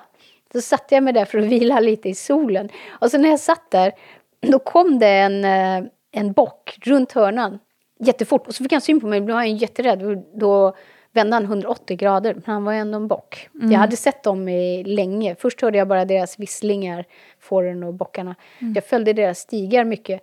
De rörde sig så otroligt fort och så var de rädda för mig så de, de visslade. De har ett visslande ljud. Och det var ju så jag sa till dem, pratade tibetanska med dem. Alla djur ska ju förstå tibetanska. Mm. Jag förstår inte att ni är rädda för mig. Jag rör mig ju som en snigel. Det, det som tar er fem minuter tar mig liksom fem timmar. okay. Så vände han då 180 grader. Men så kom han ju tillbaks. Han var ju en bock. Han blev ju mm. förbannad. Och då reste han sig på bakbenen. de är ju stora. De är som shetlandsponny de där. Och så med massor med ull då. Så de ser ju ännu större ut än vad de är. Men de är ju så otroligt starka. Mm. Han kunde mosa mig antingen där jag satt eller bara om han stångade till mig så hade jag ju bara åkt över kanten. Så, men jag hade en eh, lång, man säger som en stör, eller ganska tunn, som jag hade drivit ner en tjurkviga och en ungtjur med veckan innan jag gick upp bergen. Och den hade jag fortfarande kvar. Och då när han, eh, jag hann ju inte tänka så mycket, men jag hade ju inte så mycket val. När han kom då så reste sig på bakbenen så for jag upp och så med den i högsta hugg då, och skrek till honom och då blev han rädd och vände 180 grader. Och så tänkte jag bara, han inte kommer tillbaka nu igen. För då tar han ju säkert extra mod. Men det gjorde han inte, han kom inte tillbaka igen. Mm. Utan det var sista. och då tänkte jag, jaha, nu får jag känna tacksamhet i jägaren också. Jag tänkte han kanske trodde att uh, den där mm. stören var ett gevär. För jag har sett att det går jägare i vargen, de får ju inte mm. jaga den men... Men gud vad intressant. Alltså det finns mm. ju så himla mycket här att prata om. Mm. jo det... Men, men eh, jag tänkte också fråga dig som sista fråga. Om det inte var något mer du ville tillägga där. Om det? Ja, det vad ska jag tillägga? Jag älskar naturen. Mm. Alltså, för mig så... Naturen är... Allting, jag skulle vilja säga, jag vet inte om jag är rätt, men jag skulle vilja säga att allting ligger i naturen. Allting ligger i naturen. Det är nog ett shamanistiskt synsätt eftersom det ligger i min ryggrad. Och jag skulle önska att jag kunde utveckla den här, som förmodligen kanske har med mitt karma att göra eller någonting. Och inte fega när det gäller shamanism. Men jag såg så mycket när jag växte upp så jag är lite sådär... Jag har stor respekt men, men med tanke på hur jag ser på saker och ting när jag väl börjar analysera det och börjar gå på djupet på saker och också sån här känsla att jag säger att allting går genom naturen. Jag kan ju säga det därför att jag känner det, men jag är ju inte alls säker på att alla vägar skulle säga det som en buddhistiskt perspektiv eller ett kristiskt perspektiv. Jag skulle gissa att det är ett shamanistiskt perspektiv, men för mig är det sanningen. Mm. Och då kanske nästa fråga blir lite enkel för dig då. Vad är visdom? Nej, den var inte enkel. uh, Vad tror du är visdom? Visdom... Ja, den förra frågan var baserad på känsla, gå genom naturen. Visdom blir kanske lite mer intellektualiserande då. Um, eftersom jag inte har den där direkt som bara kommer sådär bara genom naturen sådär bara. Mm. Puff, som är liksom ett intuitivt svar på frågan. Mm. Jag skulle säga att visdom, nu blir det här väldigt eh, klichéartat. Mm. Visdom, jag skulle säga att det är att se det som leder till verklig lycka. Att kunna skilja det som leder till verklig lycka från det som inte gör det. Mm. Det skulle jag säga. Mm. Och följa det. För följer man det inte förstås, alltså att man tar det som leder till lycka. Följer man inte det, då är det inte visdom, då är det något annat. Ja. Även om man ser det. Ja. Och det här med att allt går igenom naturen. Ja. Vad menade du exakt med det? Det är ju mer intuitivt, men jag skulle säga att från min synvinkel så är det ungefär som att jag vet inte riktigt hur man ska säga. Det finns ju en kristendom som säger att Gud finns i allt, men är inte en person. Det finns en typ av, jag kommer inte ihåg vad den heter längre, inte den som min far tillhör och som mer ser Gud som en personlig Gud. Men jag skulle säga att det finns ju ingenting utanför naturen skulle jag säga. Nej. Ungefär som man kan säga att det finns ingenting utanför Gud. Vad skulle det vara? Om Gud är allt. Ja, ja, men precis. och man skulle... Vad var frågan? Vad menade du med att allt går igenom naturen? Jo, jag menar att bli ett med naturen. Och då menar jag ett med naturen. Men det är ett schamanistiskt mm, perspektiv. Mm, mm. Men för de som följer den schamanistiska vägen i alla fall. För då vågar jag inte uttala mig för fler än dem, för då, för då stämmer det nog inte. Men de som följer den schamanistiska vägen, eller som vill följa den schamanistiska vägen, eller som flörtar med den schamanistiska vägen och vill ta det på allvar, sådana som jag. Eh, så naturen är nyckeln. Och det är nog därför, det var en klasskamrat till mig som skrev en, som jag inte läste för jag kan inte läsa sånt för då gråter jag hjärtat ur kroppen på mig själv. För jag är väldigt känslig när det gäller naturen just. Hon skrev en uppsats som hette The Cry of the Shaman. Hon gjorde sitt fältarbete i Sydamerika. Egentligen handlade det om hur beroende shamanen är av naturen. För har du inte naturen, då har du ingen shamanism. Nej. För naturen och shamanen är ett. Du kan inte praktisera shamanism utan naturen. Mm. Det går liksom inte. Nej. Så att allting går genom naturen. Mm, jag förstår. Mm. Jag ska nog låta det där sjunka in lite grann. Och... Ja, jag med. Bara, vad var det nu jag sa? Var det jag som sa? var det någon... Nej. Alltså, ja, gud. Jag, det känns som när du pratar att det verkligen kommer från ditt hjärta. Eller så här. Ja, det gör det. Ja. Men vi ska faktiskt runda av nu. Ja. Men tusen, tusen tack. Jo, tack själv. Jag kan ju pladdra till dödagar. Jag, jag önskar jag vore bättre på att praktisera vad jag säger än på att pladdra. Det kanske blir ett startskott nu för Ja, något kanske. Vad, vad var det jag sa egentligen? Vi måste ju leva upp till det här. Just sista, sista. Har du något du vill säga till mig på min resa? Ja. Ja. Naturen. Naturen. Naturen. Is the shit. Naturen is the shit. It's a good shit. Japp. Mm. Och lycka till med. Du gör en väldigt bra jobb. Så, så Tusen, tusen tack yes. Johanna. Ja, tack själv. Du har lyssnat på Visdomsjakten med mig Josefin. Och jag skulle vilja rikta ett litet tack till min vän Kalle Karjalainen som tipsade mig om Johanne. Och har du också tips på någon som du vet som sitter inne med väldigt mycket erfarenheter och insikter så tveka inte att höra av dig till mig. För det är ju helt fantastiskt att kunna dela de här berättelserna.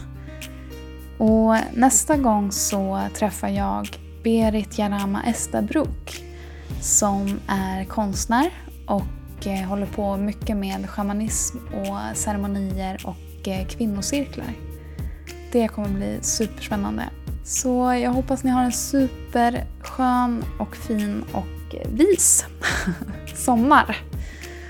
Eh, jag fortsätter med podden med det här tempot som det är nu och hör av mig när nästa avsnitt är på gång helt enkelt. Har du ännu inte prenumererat på mitt nyhetsbrev så rekommenderar jag dig att göra det. Länk till det hittar du här i avsnittsbeskrivningen. Och där finns också en länk till min Patreon-sida där du kan stötta mitt arbete med visdomsjakten om du vill. Hejdå!